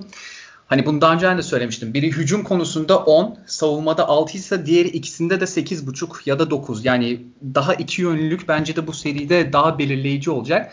Harden gelseydi e, bu seride ne değişirdi sorusuna da şöyle bir cevap verilebilir.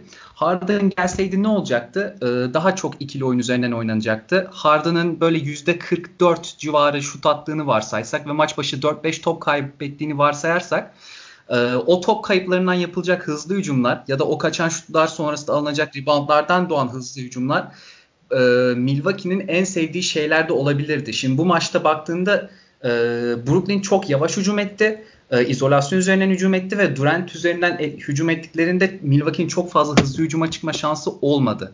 Harden'ın olduğu durumda topu kötü kullandığı zamanlarda ya da şutları kaçırdığı zamanlarda Milwaukee'nin ekmeğine yağ sürebilir.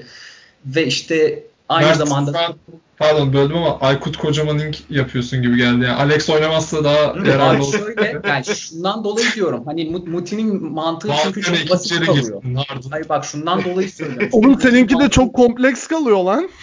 Ama bak şöyle yani sen Oğlum diyorsun ki 5 Harden olsaydı kaybetseydi %44 atsaydı çalarlardı git çok seviyor baksın oğlum bu aşırı kompleks bir şey yani hani ama ben sana şunu söylemeye çalışıyorum. Ya Harden olsaydı da işlerin yoluna gitmeyeceği ve Bucks'ın ekmeğine yağ sürülebileceği anlar olabilirdi. Ve abi Bucks- bunu de tamam da şunu deme yani yapabilirsin. %44'le attığını varsayıp 5 top kaybı yaptığında o 5 top kaybını sever Bucks falan bu çok ooo Abi şimdi şöyle yani. dıdısı. Philadelphia, Philadelphia Washington serisini yorumladığımızda da Westbrook'a 20-20 yapabilir ve bir maç kazanabilir dedik. Yani böyle bununla bir mi oğlum Westbrook bununla bir mi bu dediğinle? Sen 44 FG'nin üstüne 5 top kaybı yapıp bundan Bucks'ın faydalanması en sevdiği şey diyorum. Ben diyorum ki Westbrook'un 20-20 yapıp şey yapması diyoruz ki yaptı da son bir tane aldıkları maçta yaptı bu arada. Öyle bir şey yaptı İşte yani. Harden da bunu yapabilir ve bu Bucks'ın işine gelebilir. Ben zaten orada argümanımı de, tazeledim. Dedim ki Harden'ın olmadığı senaryoda daha yavaş oynadılar.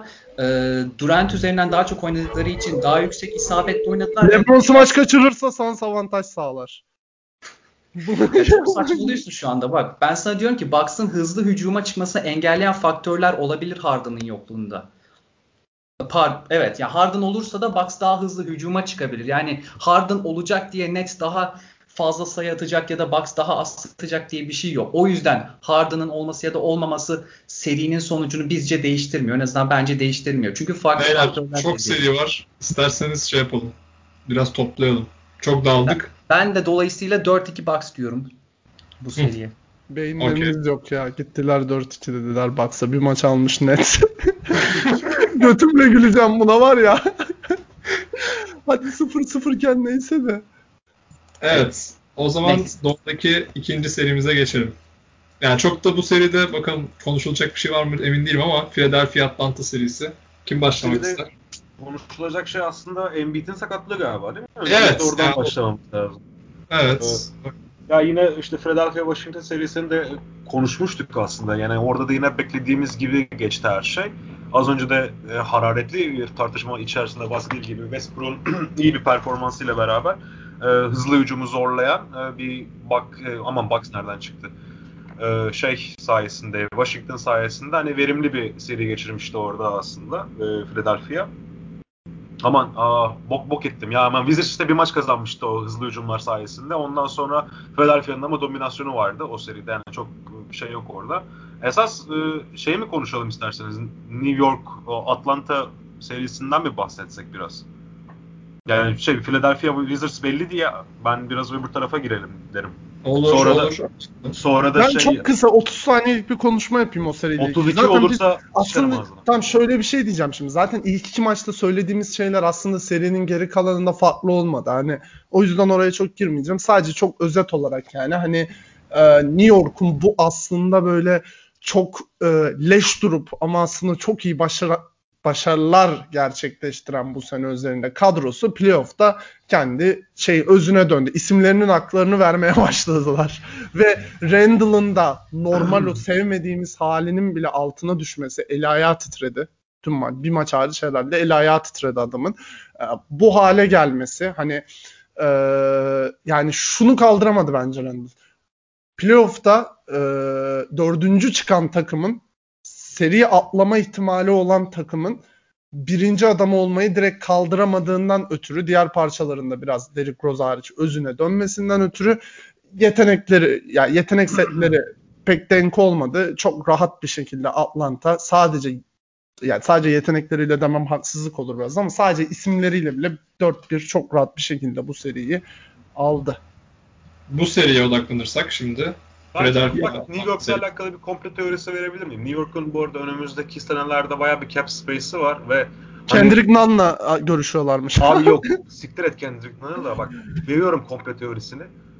Eğer bu akşam Kawhi kaybederse Kawhi büyük ihtimalle Clippers'tan ayrılır ve ben New York'a gidebileceğini düşünüyorum. Onu da söyleyeyim.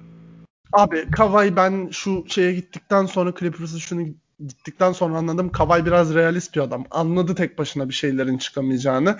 New York eğer e, şey yani George'u yanında getirmesinden dolayı bunu şeye varıyorum. Türlü türlü oyunlarla.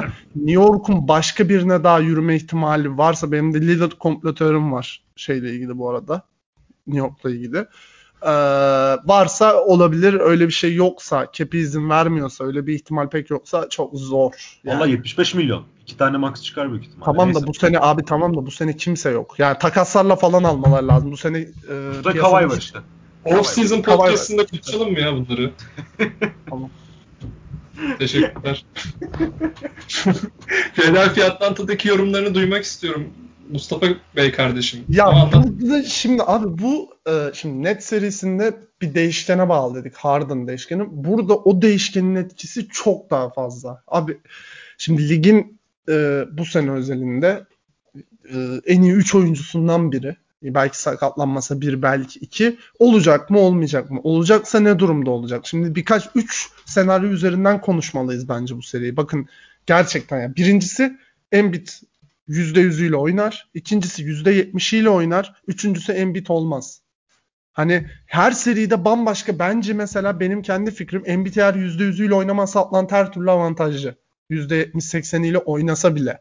Ya bu çok önemli bir değişken. O yüzden mesela öngöremiyorum yani ne olacak ne bitecek. Ama genel olarak mesela şunu varsaymak istiyorum. Ben Embiid'in e, ilk iki maç ol- olmayıp sonraki dört maç oynayacak mı bu arada bugün? Day to day'di sanırım. Ben- Haber bilgim yok galiba Benim, benim de bilgim yok. Day to day'di. Şimdi şöyle o zaman her şey yolundaymış gibi konuşayım biraz. Çok Abi day şey. to day de yani Harden da şu an day to day ama şey gitti hamstring gitti yani öbüründe de menisküs sakatlığı var yani day to day diyorlar çünkü onlar da bilmiyor. Embiid'inki daha hafif ama Harden'a nazaran. O Ee, olumlu bir şey bence. çok- Neyse. Çok aynı kanaatte değilim açıkçası ama. Abi çok. Uzatmayacağım. Tamam yani çok karışık kafam açıkçası. Şimdi hak verin. 3 tane önümüzde senaryo var. Hangisi üzerinden nasıl konuşayım ki gerçekten bilemedim. Ama şimdi şurada şu, şundan bahsedebiliriz biraz. Şimdi birincisi e, Atlanta e, savunma anlamında mesela çok çok öne çıkmayan bir takım. Sixers bunun tam tersi. Mesela Atlanta'da şu, Sixers'ta şunu ve var. Embiid olmadığı zaman bile sene içinde Sixers savunmasını hep bir seviyede tuttu bayağı yukarı bir seviye. Hala NBA'in top 3-4 savunma seviyesinde tuttu.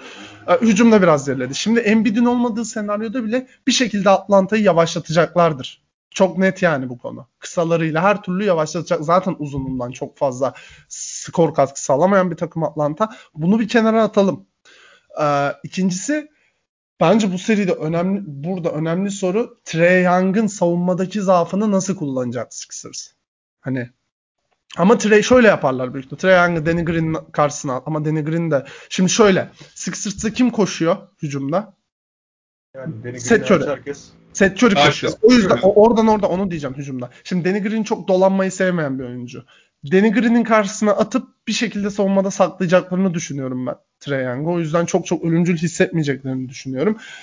Ama ama ama ama şimdi az önce konuştuğumuz konu hmm, Boston Nets konusunda konuşmuştuk sanırım. Boston'dan yetenek seti gelemedi yani o seviyede olmadığı için sadece yeteneğiyle aldı.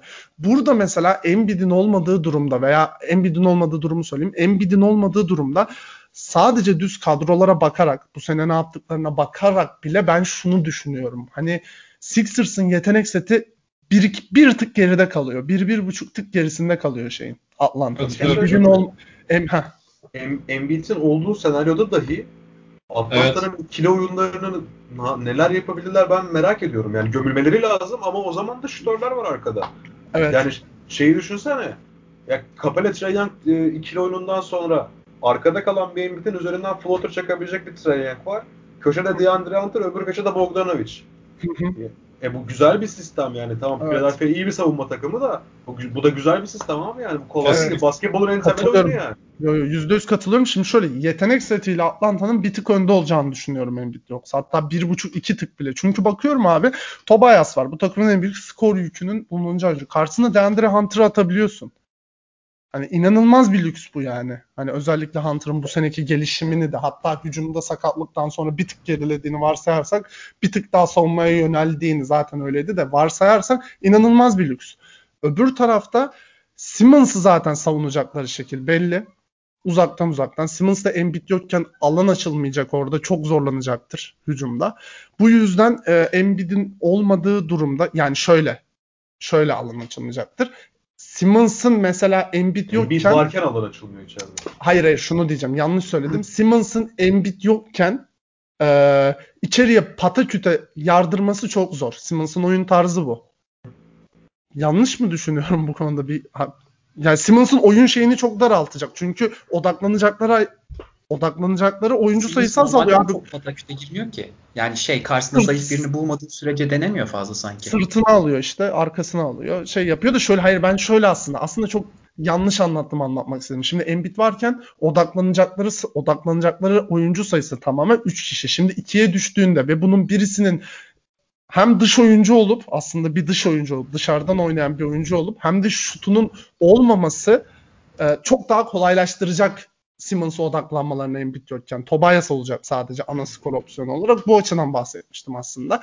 O yüzden Atlanta'yı bir tık ön- önde görüyorum. Şimdi Embiid'in çok kısa şunları da söyleyeceğim. Embiid'in yarım olduğu senaryoda bir 4-3'e gideceğini düşünüyorum serinin.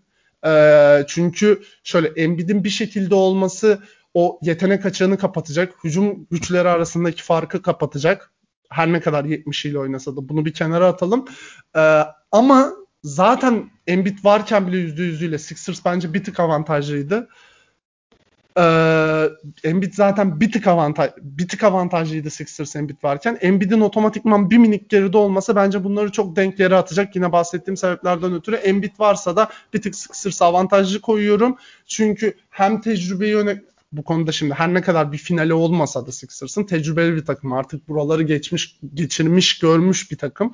Hem tecrübesinden ötürü hem de sene boyunca getirdiği Philadelphia sistem buraların kaşarı diyebilir miyiz? Evet, hem de e, bir tık öyle diyebiliriz The Process takımına açıkçası. Hem de sene başından beri getirdiği şekle bakarsak Atlanta'nın oyunlarını oynaması bile sadece kendi oyununu oynaması bile Sixers'ın bir tık Atlanta'nın kendini önüne atmasında yardımcı olacaktır. Bu arada dediğim gibi ama serinin X faktörüne ben şunu söyleyeceğim. DeAndre Hunter'ın Tobias serisi savunması çok önemli bence. Toba, e, Embiid'in oynayıp oynamayacağını bir kenara atarsak. İsteyen, eklemek isteyen var Ve mı? de şunu son olarak şunu söylemek istiyorum. Bir de şöyle bir avantajı var Sixers'ın. E, Trae Young'ın karşısına atabilecekleri yedek yedekte iki oyuncu, ilk beşte de üç tane oyuncu var. Hani bir şekilde Trey Young'ı böyle değişmeli bir şekilde. Bir Danny Green'e atarlar, bir giderler Tybull'u atarlar, bir giderler Seth Curry'e atamazlar da başkasına atarlar. Hani Seth Curry'yi bile koyabilirler yani. Bir şekilde koyup hani yavaşlatabilirler Trey Young'ı diye düşünüyorum. Seth Curry'i Bu koyamazlar eklemeyle da. birlikte herhalde literally eklenecek bir şey kalmadı. Yok ya eklerler bence. O kadar detaylı Var. girmedim aslında. Ya bence aslında eklenecek şeyler var ama zaman Bence de var. açısından Abi zaman-. Yani o çok sorun Ee, değil. Abi baştan bir seri başlıyor. Yarı final serisi sonuçta. Eklenecek bir şey varsa söyleyin bence. Ben çünkü çok, Çok detaylı girdiğimi düşünmüyorum. Benim kafam biraz karıştı. Şu Embiid konusu çok kafamı karıştırdığı için çok çok şey olamadım. Hani bir ihtimal olsa sadece onun üzerine konuşsam çok daha iyi şey yapabilirdim ama şu an tam giremedim yani. Hani bence biri daha konuşsa iyi olabilir. Halamın bıyığı olsa neydi dayım mı olur muydu? Neydi senin, senin gibi atasözlerini şimdi karıştırdım. Ama öyle abi şimdi 3 tane ayrı bir opsiyon var burada ve serinin baştan aşağı kaderini değiştirecek şey şu Embiid'in nasıl döneceği veya dönmeyeceği konusu. Hani çok kafamı karıştırıyor dediğim gibi. Biri girerse süper olur. Eksiklerimi tamamlarsa veya öyle Tamam. işte. Mert ister misin sen? Emre sen gir istersen çünkü ben biraz toparlama sürecindeyim. Tamam. Ya şöyle söyleyeyim ben Muti'ye kısmen katıldığım yerler var ama kısmen de katılmadığım yerler var. Ben özellikle Dwight Howard'ın ve Matisse Thybull'un bu seride kullanılması gerektiğini düşünüyorum. Ve aynı zamanda da Furkan'dan ve Seth Curry'den katkı almak zorundalar. Şimdi Seth Curry şeyin maçında 30 sayı attı da Seth Curry öyle her maç 30 sayı atabilecek potansiyelde bir oyuncu değil. Sen Seth Curry'e oyun çizmen lazım. Ki hatırlarsanız bir de o maçta Ben Simmons 5 numara kullanılmıştı. Abi şimdi Atlanta'ya da 5 numarada Ben Simmons'ı yani şöyle bir hareket yapayım size. Bak böyle- kullanırsın yani. Kullanamazsın. Öyle bir öyle bir olay yok zaten. Ee, Philadelphia ya ben sezon başında da şey playoff başında da diyordum ya ben çok ümitliydim ama şu an benim beklentilerimin gerçekten çok altında durumlar ve üstüne üstüne Embiid'i kaybettiler. Ee, Embiid'in %70 olduğu durumda dahi ben Atlanta'yı avantajlı görüyorum ve şey düşünüyorum yani Harden'laki Harden'la sakatlığını kıyaslamak gerekirse uzun bir oyuncu Embiid. Yani pi- pivot pozisyonunda dizlerini daha çok kullanarak oynayabilen bir oyuncu. Şimdi Harden'ın hamstringinde sakatlık varsa bitmiştir o zaten. Ama menisküsünde ufak bir yırtık demek Embiid'in ne olacağı belirsiz bir muamma demek. Ne olacağı belirsiz bir muamma olduğu içeris için olduğu zaman da kendini sakınabilir oynasa dahi. Bu da Philadelphia'yı mutlaka etkileyecektir. Ben o yüzden az önce dediğim en temel basketbol oyunu olan ikili oyunu, ikili oyunu oynayabilecek iki tane çok yetenekli oyuncuları var. Hem uzunda hem kısada ve kenarlara koyabilecekleri herhangi bir gelecek yardımda bir ki- kick-off pasla beraber tek pasta keşfedeki şutörü bulabilecek iki tane net şutörleri olduğundan dolayı Hakeza unutmayın John Collins de her ne kadar biraz e, yalap şap bir sezon geçirse de atletizm etkisiyle ben Philadelphia savunmasını zorlayacağını düşünüyorum. Bu yüzden de Atlanta'yı Embiid'in %100 olmadığı her senaryoda bir tık öne koyuyorum. Diyeyim Mert'e bırakayım bir şey ekleyecekse soruyorsa tahmin yapalım. Ya da bilge bir şey derdesin diye demek istiyorsa.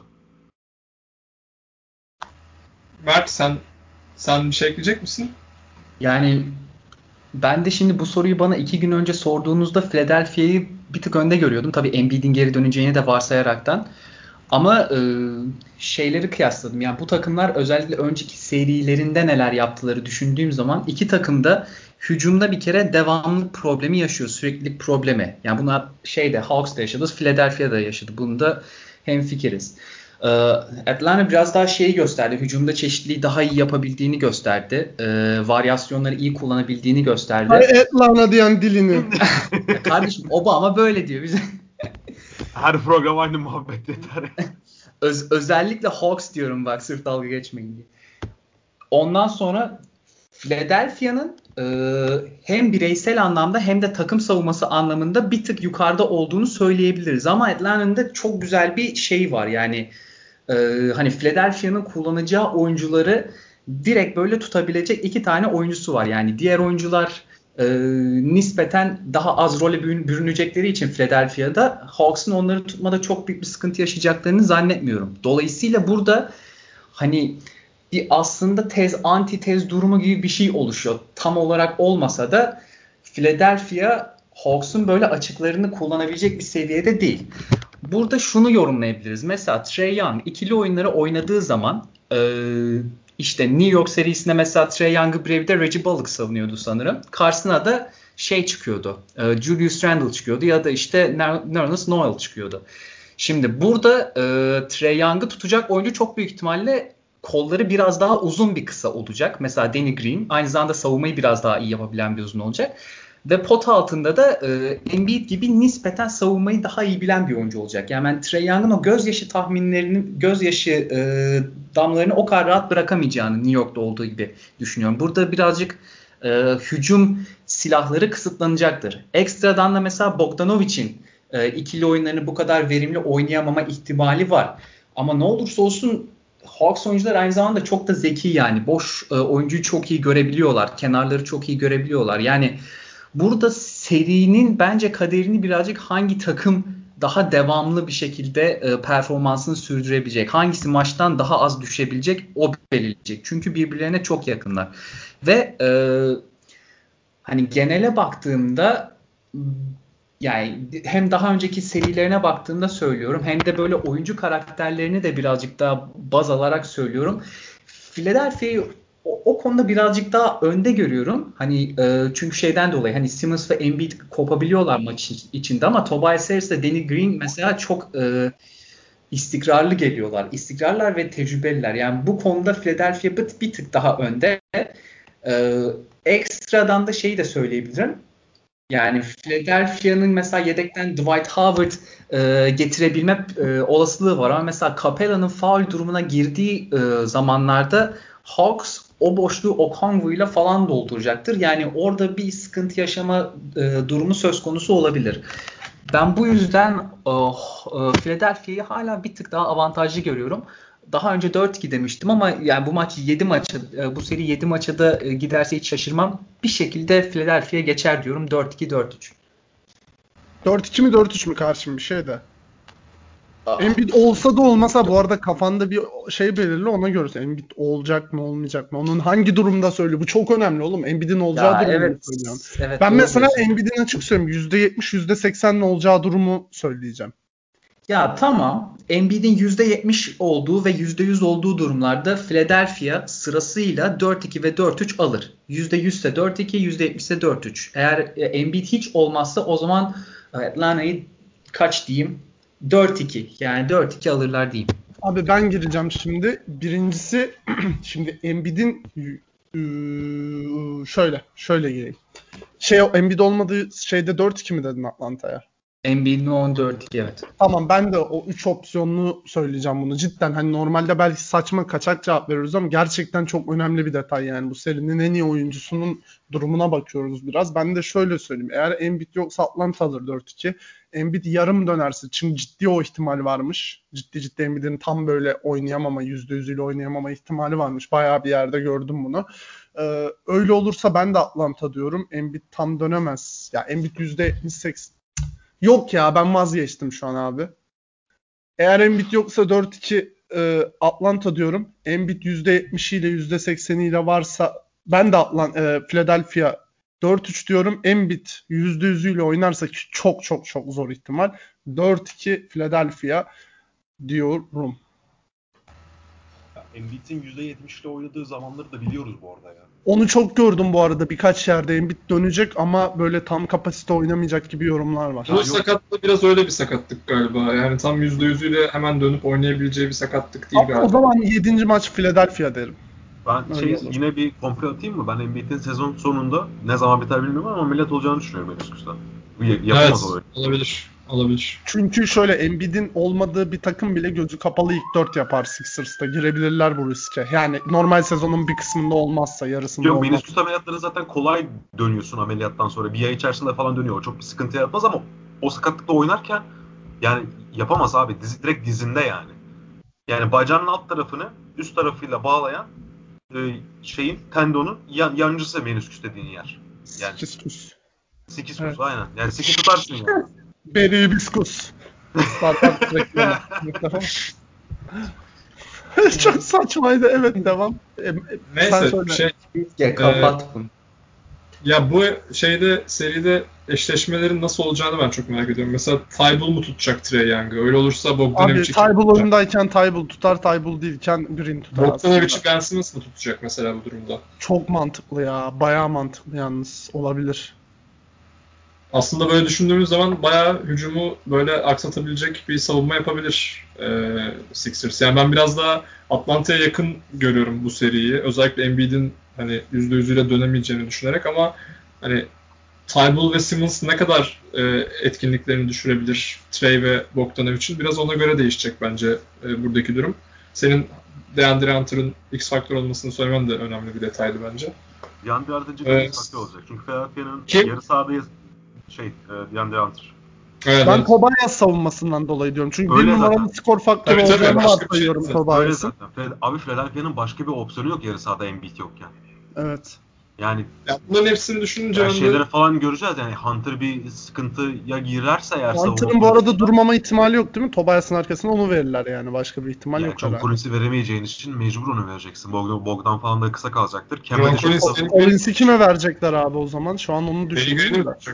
Ee, ya ben şeyde Simmons'a veririm. Simmons'a verip pas Simmons'a- açılarını kapamaya Aynen çalışacaklar. Olabilir. öyle. Aynen Evet. öyle. Ben, ben Simmons'a veririm. Ya Atlanta'yı ben biraz avantajlı görüyorum bu seride açıkçası ya. Yani Embiid'e de çok güvenmediğim için %100 ile dönebileceğini. O yüzden 4-2 Atlanta diyeceğim. Tamam. Benim tahminim dillendirildi mi? Hayır. Yok dillen, dillendirmedi. Sen söyle. Ben, de- ben de 4-2 diyorum. Max. Güzel. Ee, ya Batı'ya geçelim mi? Başka bir podcast'te mi atalım? Batı'ya geçelim çok seri halledelim. Batı'yı- Bence de geçelim ya. Yüzde yüz İyi hadi tamam. Ya bizim tek, Lakers, tek seri kaldı. Ya Suns. şöyle hemen bir bölüm yapalım mı? Ee, şey Phoenix Lakers'ı Bilge sana bırakalım. Tamam. Biz, biz üçümüz burada hemen bir Denver Portland'da bir Lillard övelim. Ee, ben komplolarımı sıralayayım. Mustafa da New York'a yo- yollasın. Ben Lakers'a yollayayım Lillard'ı. Onları bir övelim. Ondan sonra en, en beraber de seriyi kapatıp e, adını sen söyle. e, Denver Phoenix serisini kapatıp konuşalım zaten çok bir şey almaz. Tek şey. Önce hangisiyle başlayalım? Lakers'la. Lakers Ya önce bence son, son, son şampiyonla başladı bence buyursunlar. Tamam. Yani bir Lakers'lı olarak bu rolü üstlenebilirim. Ee, ya şöyle yani aslında geçen e, bu seriyi değerlendirirken söylediğim şey hala biraz geçerli. Mental e, üstünlük sağlama aslında yarışıydı biraz bu seri. Yani e, hani burada kesinlikle yani 23 yaşındaki bir Devin Booker'ın bu kadar e, güçlü kalabilmiş olması ve, e, ve ilk playoff'u. İlk playoff'u. ve evet ilk playoff'u olmasına rağmen bu kadar e, hani çok doğru bir oyun oynaması, çok doğru şutları sokabiliyor olması gerçekten büyük fark yarattı. E bunun dışında zaten sakatlıklar vesaire hani sezon boyunca Lakers'ın hazır olamaması gibi e, faktörler de var ama biraz daha detaylarına odaklanmak isterim. E, şöyle şimdi LeBron'un takımlarında şöyle değişik bir durum oluyor. Sen bir LeBron takımında olduğun zaman ki bu takım Lakers'sa inanılmaz bir şekilde okların üstüne çekildiğini biliyorsun. Yani bütün hani Amerika'da spor takip eden medyanın işte izleyicilerin vesaire hani Kuzma'nın yaptığı bir saçmalığı görmeme ihtimali mesela yok.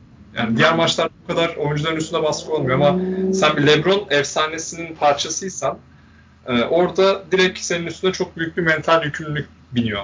Bu zamana kadar LeBron bunu hep hani yönetmeyi başarmıştı çünkü hem fiziksel olarak bunu kendi oyununu dikte edebilecek düzeydeydi hem de mental olarak hani bu buralarda çok hani baskın bir oyuncu olabileceğini özellikle hani 2010'ların ikinci yarısından itibaren kanıtlamıştı. Ama bu seride ikisinin de tam anlamıyla e, olmadığını ve çok sekteye uğradığını gördük LeBron'da. Hem mental anlamda hem de fiziksel anlamda bence yani iki sene öncekinden bile çok daha geride bir LeBron'du sahadaki LeBron. Ee, yani bunun sebepleri var tabii ki işte sakatlık vesaire var. Şu an hani en son açıklamasına göre bir daha eskisi kadar iyi olamayacağım falan demiş LeBron hani ayağıyla ilgili olarak.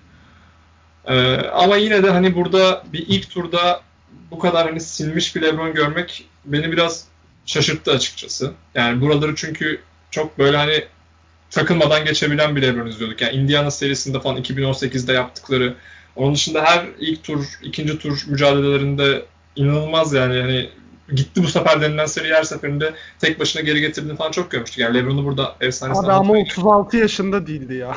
Yani Ha, bir de sakatlıktan bir- dönmemişti hiçbir Evet. evet. Söyle son iki ay, son bir buçuk ay iki maç mı ne oynadı adam ya? Haksızlık etmeyelim 4, şimdi. 4 Tabii, tabii. play, play'ini sayarsan 4. Playoff'un Yani, 4 maç oynadı. hani böyle bir durum hem yaşı arttı hem bunun yanında sakatlık bunun yani çok kötüydü yani hiç hiç Ya evet. yadırgayamıyorum o yüzden. Evet. Zaten hani Davis de şeyden çekilince sahneden bütün olay aslında LeBron'un durumuyla alakalı. Yani Lakers'ta rol oyuncularına ben çok bir şey söyleyemiyorum bu noktada.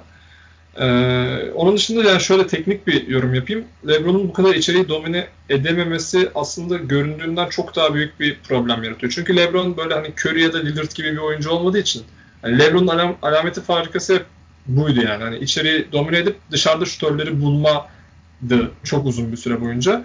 Ve bu hiç olmadı ve hani LeBron'un etrafındaki oyuncular da hiç böyle e, LeBron bunu yapmadığında etkili olabilecek oyuncular da değil.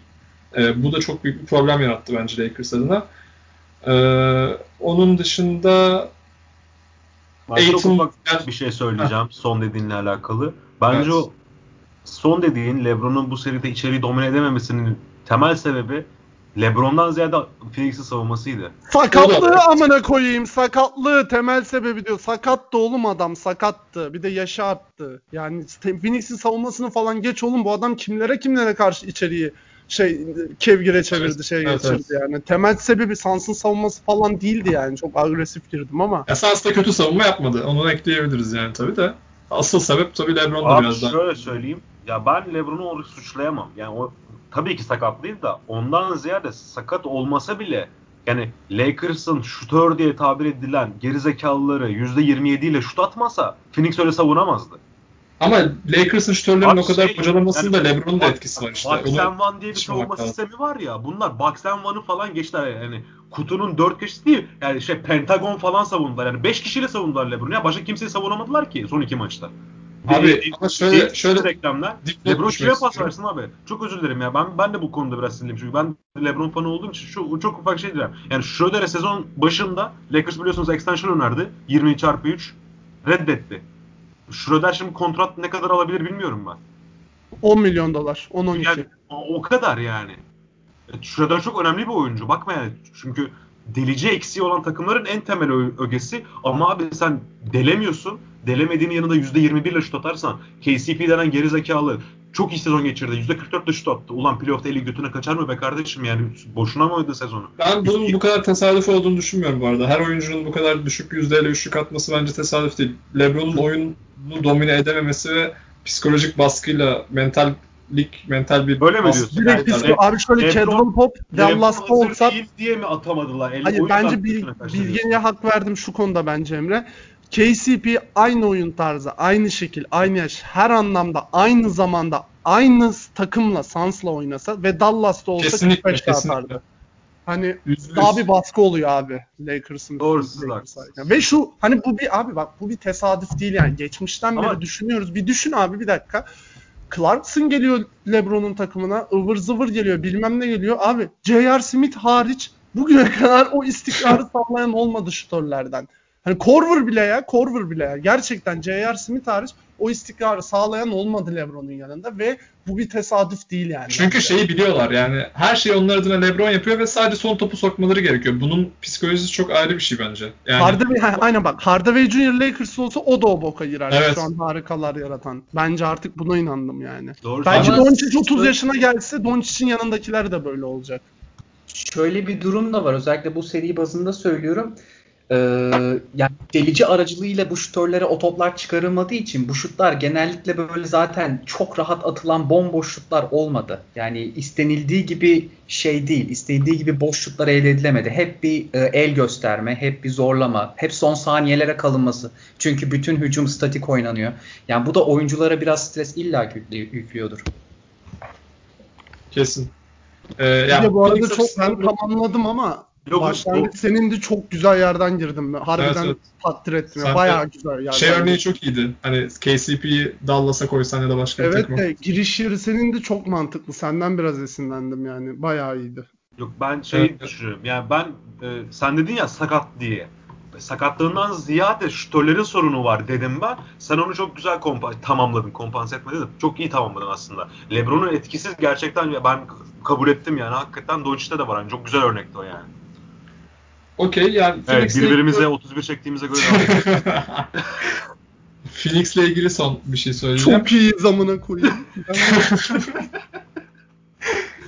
Ee, Aiton çok iyi bir performans sergiledi ama hani o da şey değil yani hani baktığın zaman iyi bitirdi. Yani hani Aiton da böyle şey Embiid gibi böyle içeriği domine eden falan bir oyuncu olmadığı için hani Phoenix'in aslında orada onu çok iyi doğru yerlerde topla buluşturması falan onun bu kadar performansını artmasına sebep oldu. Bence yani Booker'da hani çok önemli bir rol oynadı. Sonuçta e, Chris Paul'da sakatlığı falan etkisiyle o kadar da etkili olamamıştı bütün seri boyunca.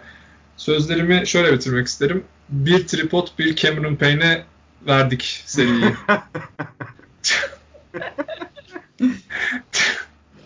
bir tripod, bir Cameron Payne'e kaybettik. Cameron. Okey.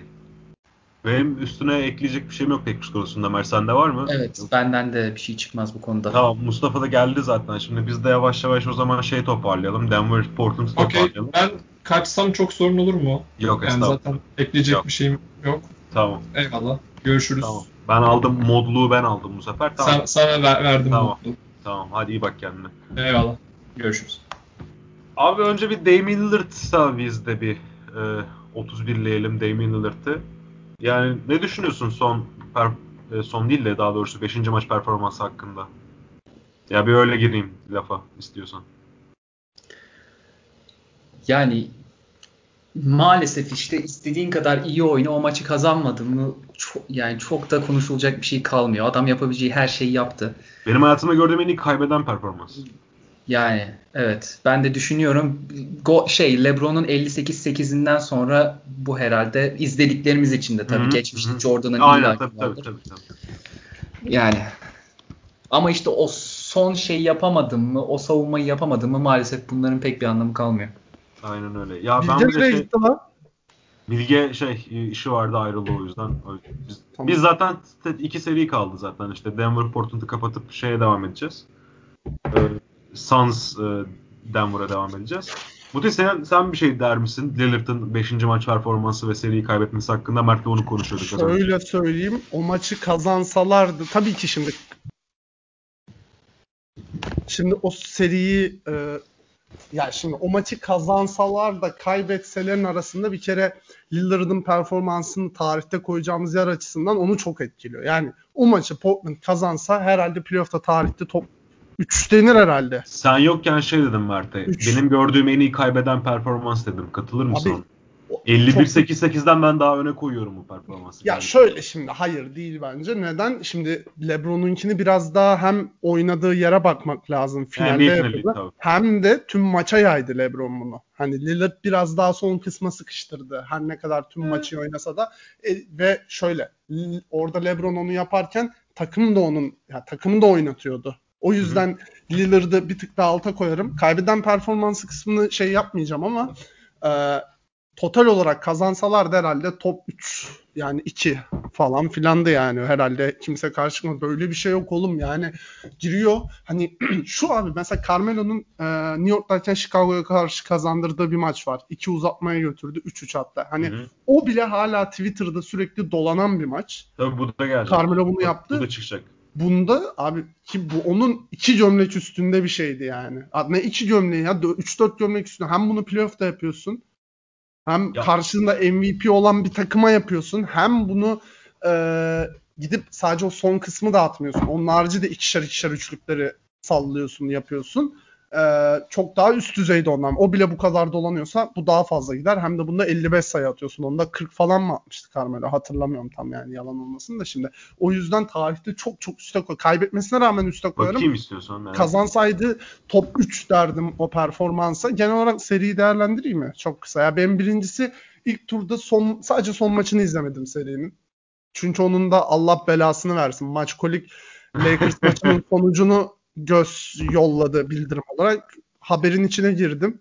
İzlememiştim o maçı çünkü izleyecektim. Haberin içine girdim. Haberin içinde Denver Portland maçının sonucu da yazıyor. Yani çok üzüldüm gerçekten. Tek izlemediğim maç oldu o seride. Bir kere ilk turda e, Clippers Dallas dahil en keyif aldığım seriydi benim. En azından ilk 5 e, maçına baktığımda yani. Açık ara en keyif aldığım seriydi. 43-7-3 yani orada... yapmış bu arada böldüm. Melo o maçta 43-7-3 yapmış. Yani bir adam 55 yapıyor. Playoff'ta yapıyor bunu. Playoff'ta değildi değil mi Melo'nun? Playoff'ta. Aa playoff'ta mıydı? Ben Playoff. normal sezon sanıyordum. Ve %70 isabetle yapıyor. 12 üçlükle gerçekten. Tamam da evet aynen. Lillard'ın ama bir de, bir de Melo, Melo'da şöyle bir maç maç 100 sayı yani. 100 160 New York maçta. Ee, 100, 100 sayı atmış 43'ünü Melo atıyor. İki uzatma da 100 mu atmış? Ay o iki uzatma değildi o bir uzatmaydı. Bir uzatma, bir uzatma. Ya bu bir de abi bu bir de iki uzatma ya. Yapmayın etmeyin. Hani bir de oynadığı dakika sayısı da otomatikman yukarı taşınıyor. Genel olarak seriyi değerlendirirsek de ben açıkçası ilk iki maçı gördüm. Dedim Portland güle oynaya alır buradan.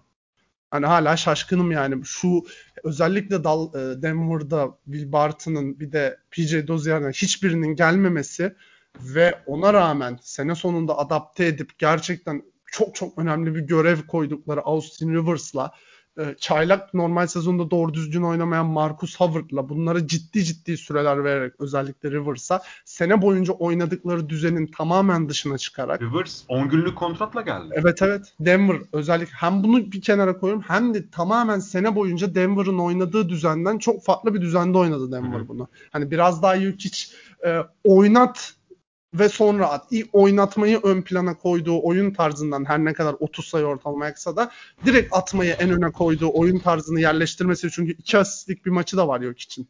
Bir asistlik mi iki asistlik mi ne? Bir asistlik. Ee, böyle bir tarza gelen bir Denver'ın gidip senelerdir yine tabiri caizse buranın kaşarı olan Portland'a karşı e, böyle etkileyici 4 maç kazanmasını hiç beklemiyordum.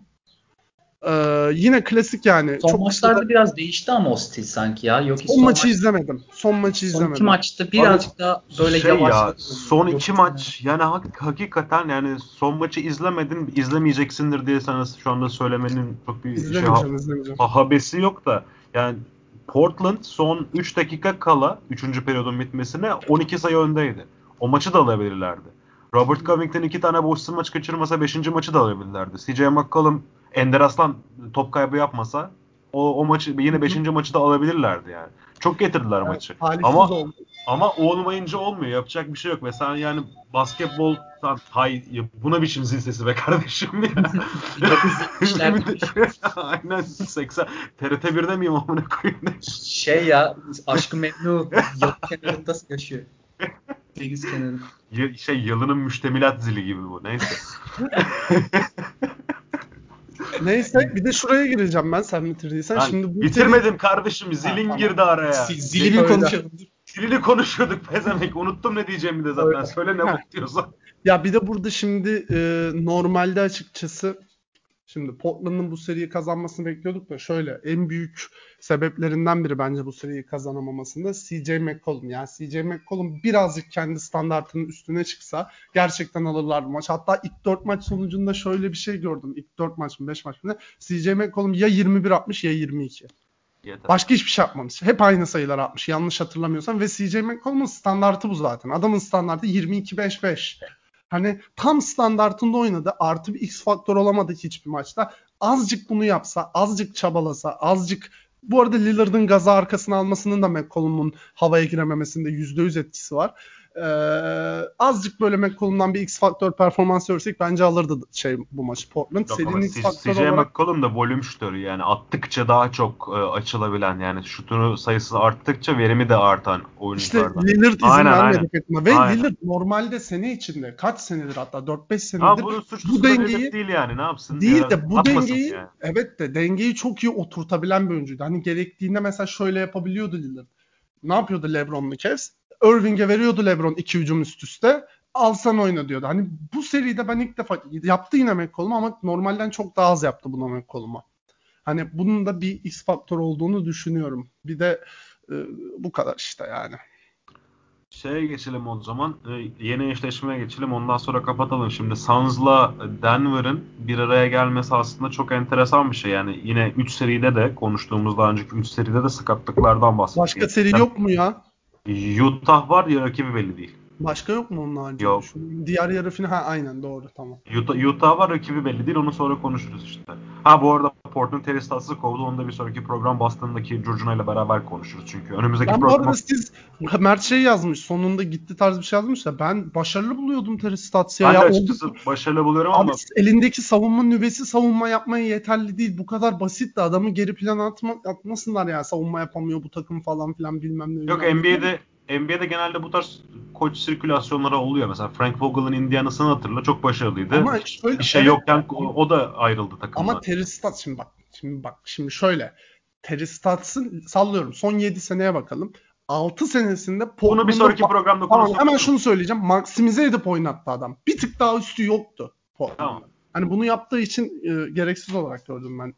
Saçmaydı Tamam. bence. Acaba bu toplu bir yeniden dönüşümün şey mi? Benim Lillard New York teorimi de şey yapıyor bu. Daha Lillard'ı da neyse. Ben Lakers diyorum e, şey Lillard'a bu arada. Bence Lillard'ı hiç gönder. Bakma teori falan diyoruz da göndermezler abi. Niye gönderse? Adam simge oldu yani takımda. Dayı gitmek da istiyorsa dahil. gider abi yani ki- kimler kimler Gitmek isteyeceğini sanmıyorum ben işte. Hmm, ben, ben hata eder bence.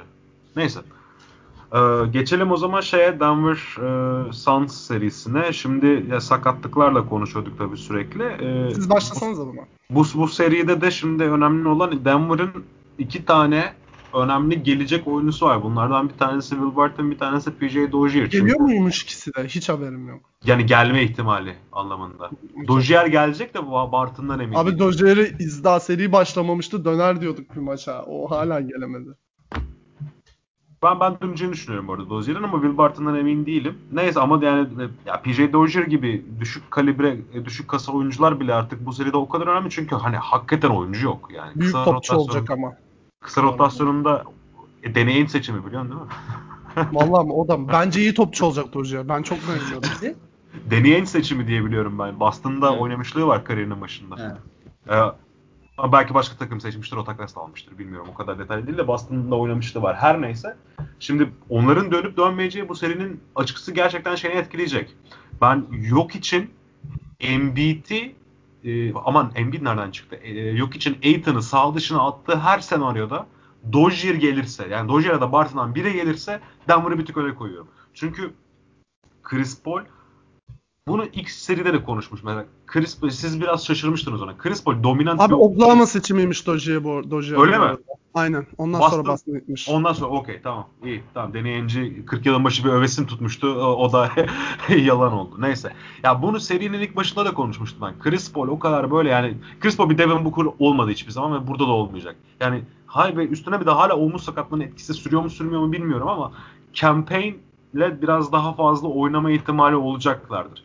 Campaign takımı yönlendirmeye çalışırken ben e, şeyin e, Denver'ın versatil forvetlerinin o kanalları güzel iyi kapatabileceğini düşünüyorum. Yani Michael Porter iyi bir bireysel savunmacı olmasa bile uzun kollarıyla campaign'in oyun yönlendirmesini ve pas açılarını ben iyi kapatacağını düşünüyorum. Çünkü Michael Bridges de topu yere vurabilen bir oyuncu değil Forvet'te. Jay Crowder da topu yere bilen bir oyuncu değil Forvet'te. Ee, ki- kimle oynuyorlar? 3 numarada Aaron Gordon. Yani Aaron Gordon ve şey Michael Porter Jr.'ın Campaign ve Chris Paul'un yaratabileceği pas açılarını iyi kapatabileceğini düşünüyorum ve bu yüzden Devin Booker'ın eline çok top kalacaktır. Devin Booker'ı kimle savunabilirler? İşte o yüzden orada Dozier ve şeyin e, Will Barton'ın önemi açığa çıkıyor. Austin Rivers Lillard'ı savunurken çok güzel bir iş çıkardı. Tamam hiçbir şey diyemeyiz ama yani Booker'ın da artık şu geldiği seviyede Lakers gibi bir son şampiyonu 47 sayı ata ata eleyerek gelmesinden ziyade hani Tabii ki Lillard çok daha iyi bir oyuncu ama yani Lillard'dan da öyle ahım şahım bir farkı yok gibi geliyor bana en azından oyuna etkileri konusunda. Bilmiyorum katılır mısınız ya ben kendimi ifade edebildim mi? O yüzden eğer bu kısa savunmacılara dönebilirlerse Aiton'un bu serideki etkisinden ben hiç e, o kadar emin değilim. Yani yok hiç Aiton'u denize döker. Ondan ya, siz katılmayacaksınız ama ben öyle düşünüyorum. Yani çok faal problemine sokacaktır. Aiton dışarı çıkarsa arkadaki şeyleri e, arkadaki boşlukları iyi değerlendireceği iyi değerlendireceği diye daha konuşamadım. Değerlendirebileceğini düşünüyorum. Campazzo gibi, Rivers gibi e, Denver kısalarının. Ya bu komple minvalde hala açık pay bırakıyorum. E, Dozier dönerse diye bunu ekliyorum. Dozier dönerse ben 4-2 ya da 4-1 Denver'ın kazanacağı. Abi bu arada şey e, dönecek e, yani trend o yöndeymiş. İkisi de dönecekmiş. Ya, o- Okey, okey. Yani onlar dönebilirse eğer Abi ikisi de dönerse kesin Denver'a yazarım ben seriyi. ben de ben de açıkçası. Ben onları o yüzden açık kapı tutuyorum. Eğer dönmezlerse de illa bir tahmin yapmam gerekiyorsa da ya ev sahibi avantajı falan filan hani Sansa aldık gazı, aldık gazı 4-3 Sansa vereceğim ben de. Ama 4-3 Denver çok zorlayacaktır emin olun. Mert bu arada ben çok kısa bir gireyim. Çok girmeyeceğim gerçekten buna. Çok kısa gireceğim birkaç noktaya. Sonra sen başla. Şimdi şöyle bence şuradan bakalım ilk seriye. Şimdi e, aslında oyun tarzları olarak tamamen olmasa da Suns Benim 3 dakika Denver'ın- çıkmam lazım bu arada. Tamam, Onu tamam. söyleyip kapatalım. Tamam tamam. Denver'ın Suns'ın savunması gereken şeyiyle Portland'ı savunması gereken şeyi aynı. Yani Sun, neydi? Portland'ın kısalarını savunması gerekiyordu. Şimdi aslında şeyde de aynı durum. Ee, Suns'ta da aynı. O yüzden e, kısa savunmasında bir sıkıntı yaşayacaklarını düşünüyorum. Ellerindeki nüveden. Eğer gelmezlerse hatta gelirlerse bile yaşayabileceklerini düşünüyorum. Çünkü tam olarak gelebilirler mi o belli değil. Sonuçta bir süredir uzaktalar.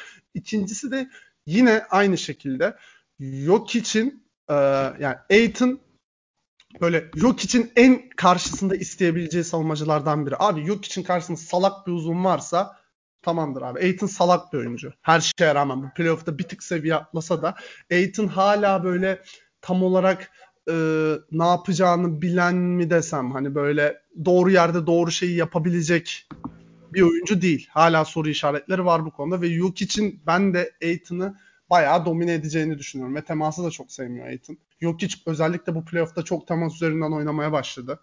E, Bayağı giriyor, yardırıyor, bam bam üzerinden bırakmaya başlıyor. Yani e, normal sezonun nazaran bir tık daha teması severek oynamaya başladı. Aiton bunu sevmeyen bir oyuncu. Yok, o yüzden e, Nurkic'e bile avantaj sağlar derken Aiton şey gibi aslında. Aynı kasa değiller de Gober gibi. Yani şu an geldiği noktada gelen oyuncuyu iyi bir şekilde karşılayabiliyor ama ben birebir iyi bir post savunmacısı olduğunu düşünmüyorum. Hı hı. Gober de öyle. yumuşak bir oyuncu aynen. Aha. Yani yok için çok farklı bir seviye domine edeceğini düşünüyorum şeyi. Nurkic'e bile ki serinin kilidine yok için hani Nurkic'in üzerine ne yapacağıyla ilgili çok konuşmuştuk. Aiton ondan da beter bir seviye. Çok felaket bir seviye yani. Bu iki faktör söyleyecektim sadece. Ben de seri tahmini yapayım. Çok girmeyeceğim bu seriye. Mert'e bırakacağım. Vaktimiz de yok.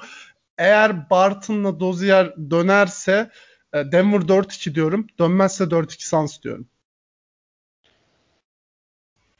Dönmezlerse. Tamam. Ama biri bile dönerse abi biri bile dönerse de dö- abi Hadi hadi ikisinin tamam. de ikisinin abi Barton ya bilmiyorum yani. Saat sonra çok kararsız kaldım. Çok değişken var neyse. Bir şey söyle işte. yani zaten tutturamıyoruz hiçbir zaman. Söyle. Ya yok Doğu, Doğu Söyledim işte. Doğu'da ilk turları iyi tutturduk da Batı'da çok pis sıçtık ya. Yani o Batı, Bat- Batı bizi bitirdi yani. Clippers Dallas'a 4-1 belki 4-0 demiştim. Hakikaten. Neyse, Mert sen konuş da bitirelim. Tamam. Ya ben sizin e, Aiton'la ilgili görüşlerinize şu açıdan katılmıyorum. Şimdi mesela Nurkic biraz daha teması seven bir oyuncuydu. Ama bu teması sevmesi meselesi ona e, faul problemine girmesi doğrultusunda pahalıya patladı. Ve e, Denver, özür diliyorum Portland o seride ikili sıkıştırma uygulayamadı Jokic'e. Dolayısıyla Nurkic ile Jokic hep karşılıklı kaldılar. İkili sıkıştırma olduğunda da pasları çıkarabildi. Çünkü Portland'ın rotasyonu yavaş kaldı. Şimdi burada Aiton çok fazla teması sevmemesi onun için şöyle bir avantaj yaratabilir. Hem çok fazla yıpranmayacaktır ki Aiton da zaten 38-40 e, dakika arası oynayabiliyor bu yüzden. E, Hem de Phoenix oyuncuları alan savunmasını yani rotasyonları daha iyi yapabildiği için Jokic'e burada ikili sıkıştırmaları daha rahat yapabileceklerdir. Ki Denver'ın e, alan paylaşımı hücumda çok çok da iyi değil. Dolayısıyla sıkışabilirler orada. Yani Phoenix'in o konuda sıkıntı çekeceğini zannetmiyorum. Ayrıyeten hücumda da Portland'la Phoenix arasındaki temel fark Portland'ın kısalarının daha delici olması özellikle Lillard. E, Phoenix'te ise kısaların delici olmaması ama pivotun çok iyi devrilip çok iyi bir tamamlayıcı olması. E, Yani Jokic Portland serisinde kısalardan çekmişti. Burada da Aiton'dan çok fazla çekebilir savunma kısmında. Dolayısıyla ben size katılmıyorum. Eğer e, bu ikili dönmezse Barton Dozier ikilisi dönmezse Suns'ın rahat bir şekilde 4-2 alacağını düşünüyorum. E, ikisi de dönerse yani tabii her şeye rağmen derin bir rotasyon olacak ve Dönmezse de rotasyon- mi Denver alır diyorsun? Tam anlamadım. e, dönmezse e, Suns alır diyorum. Dö- Oğlum dört- biz de aynısını dedik. Neyine katılmıyorsun? İşte dönerlerse de ben Suns alır diyorum ama 4-3 alırlar diyorum bu sefer. Yani orada bir rotasyon derinliğinden dolayı avantajları olacaktır ama ben Suns'ın Denver'ı savunmada Portland'a nazaran çok daha rahat durduracağını düşünüyorum. İşte saydığım rotasyon becerebilme meselesinden dolayı ve diğer oyuncuların da toplu oynamayı çok fazla sevmemesinden ötürü. Yani her şey yok içe bakacak ve ikili sıkıştırdığın anda alanı iyi paylaşamadıkları için hücumda orada biraz sıkıntı yaşanacak. Ee, Phoenix'te yani Lakers gibi bir savunma takımına karşı bile e, oyun planından çok çok kopmaması beni bu seride biraz ümitlendiriyor. Aynı şekilde oynayıp 4-2 e, şey yapabilirler. Seriyi geçebilirler ama ben 4-3 diyorum. Eğer ki Dozier ve Barton dönerse Suns adına. Yani her türlü Suns. Allah bereket versin. Ağzınıza sağlık. Bir tane 4-3 geldi. iki tane 4-2 geldi. Bir tane 4-3 Suns geldi. Mustafa mikrofonunu kapat en azından böyle şeyler yapacaksan. Ee, en azından Ne yapıyorsun e, maymun? iki tane buradan e, şey geldi. İki tane e, 4-2 Suns e, Suns 2 Denver 4 geldi. Musta, e, Mert ise 4-3 şekilde Suns'ın kazanacağını düşünüyor. Ben bir son toparlama yapayım. Brooklyn Milwaukee serisine ben 4-2 Milwaukee, Bilge 4-2 Milwaukee diyor. Ee, pardon e, Mert 4-2 Milwaukee diyor. Mustafa ve Bilge 4-2 Brooklyn diyor. Atlanta serisine sanırım hepimiz 4-2 Atlanta mı dedik? Sizi kaçırdım ben duyamadığım için orada. Ben Philadelphia'ya verdim. Sen Abi kaç, var dedim. Eğer Kaç- kaç kaç verdin? Embiid %100 dönerse 4-2, %70 dönerse Evet. 4-3 Philadelphia dedim. description'e Dönmezse- yazacaksın değil mi tahminlerimizi? Ben şey yayınlarda not alıyorum. Tahmin Oo kardeşim. Oha sene sonu konuşuruz lan bunu. Tabii. Bak bur- burada da var. Allah Allah sen ne yaptın Siz, ya? sizinkileri yaparız Mustafa tabii. sen ne dedin şeye? Atlanta. Abi Embiid olacak mı? bir Ha, tane göre seç. çarp. Bir tane seç. Bir tane Tamam seç. ama Embiid'in oynamadı sonuçta. Embiid oynamazsa oynamamıştır. Sonuçta şimdi Embiid oynarsa Abi öyle bir şey yok. Şimdi Tamam bu- %70 falan değil. Embiid oynarsa 4-2. Philadelphia oynamazsa 4-2 Atlanta. Bunu yaz. Embiid oynamazsa diğerini Öyle bir şey yazamam. Bir tanesini Oo, zaten kaç zorundasın. olasılık var? Sen üçünü de çalıyorsun. Hepsini saydın kardeşim. Bir tane. Tam 4-2 Philadelphia. 4-2 Philadelphia. Okey tamam. Phila 4 2 ATL. Mert sen ne demiştin lan buna? Mert 4-3 Atlant 4-3 Philadelphia. Ben 4-3 Philadelphia diyeyim buna evet. Ee, e, benle Bilge de 4-2 Atlanta dedik bu seriye. Utah belli değil. Ee, o anda bir sonraki programı konuşuruz. Olasılıktan üçünü söyleyecekti Burak zaten. Ağzınıza sağlık. Ee, Abi o zaman dur dur Utah serisi başla. Bari şey yapalım ya. Hemen bir tahmin söyleyelim. Dallas geçerse Abi şey. yeter! Yeter artık. Tamam ben söyleyeyim. Clippers geçerse 4-1 Clippers alır Utah'ı. Dallas geçerse Utah 4-2 Dallas alır. çünkü seri belli değil. Evet. Ee, iyi bakın kendinize. Bir haftaya görüşürüz. Görüşürüz.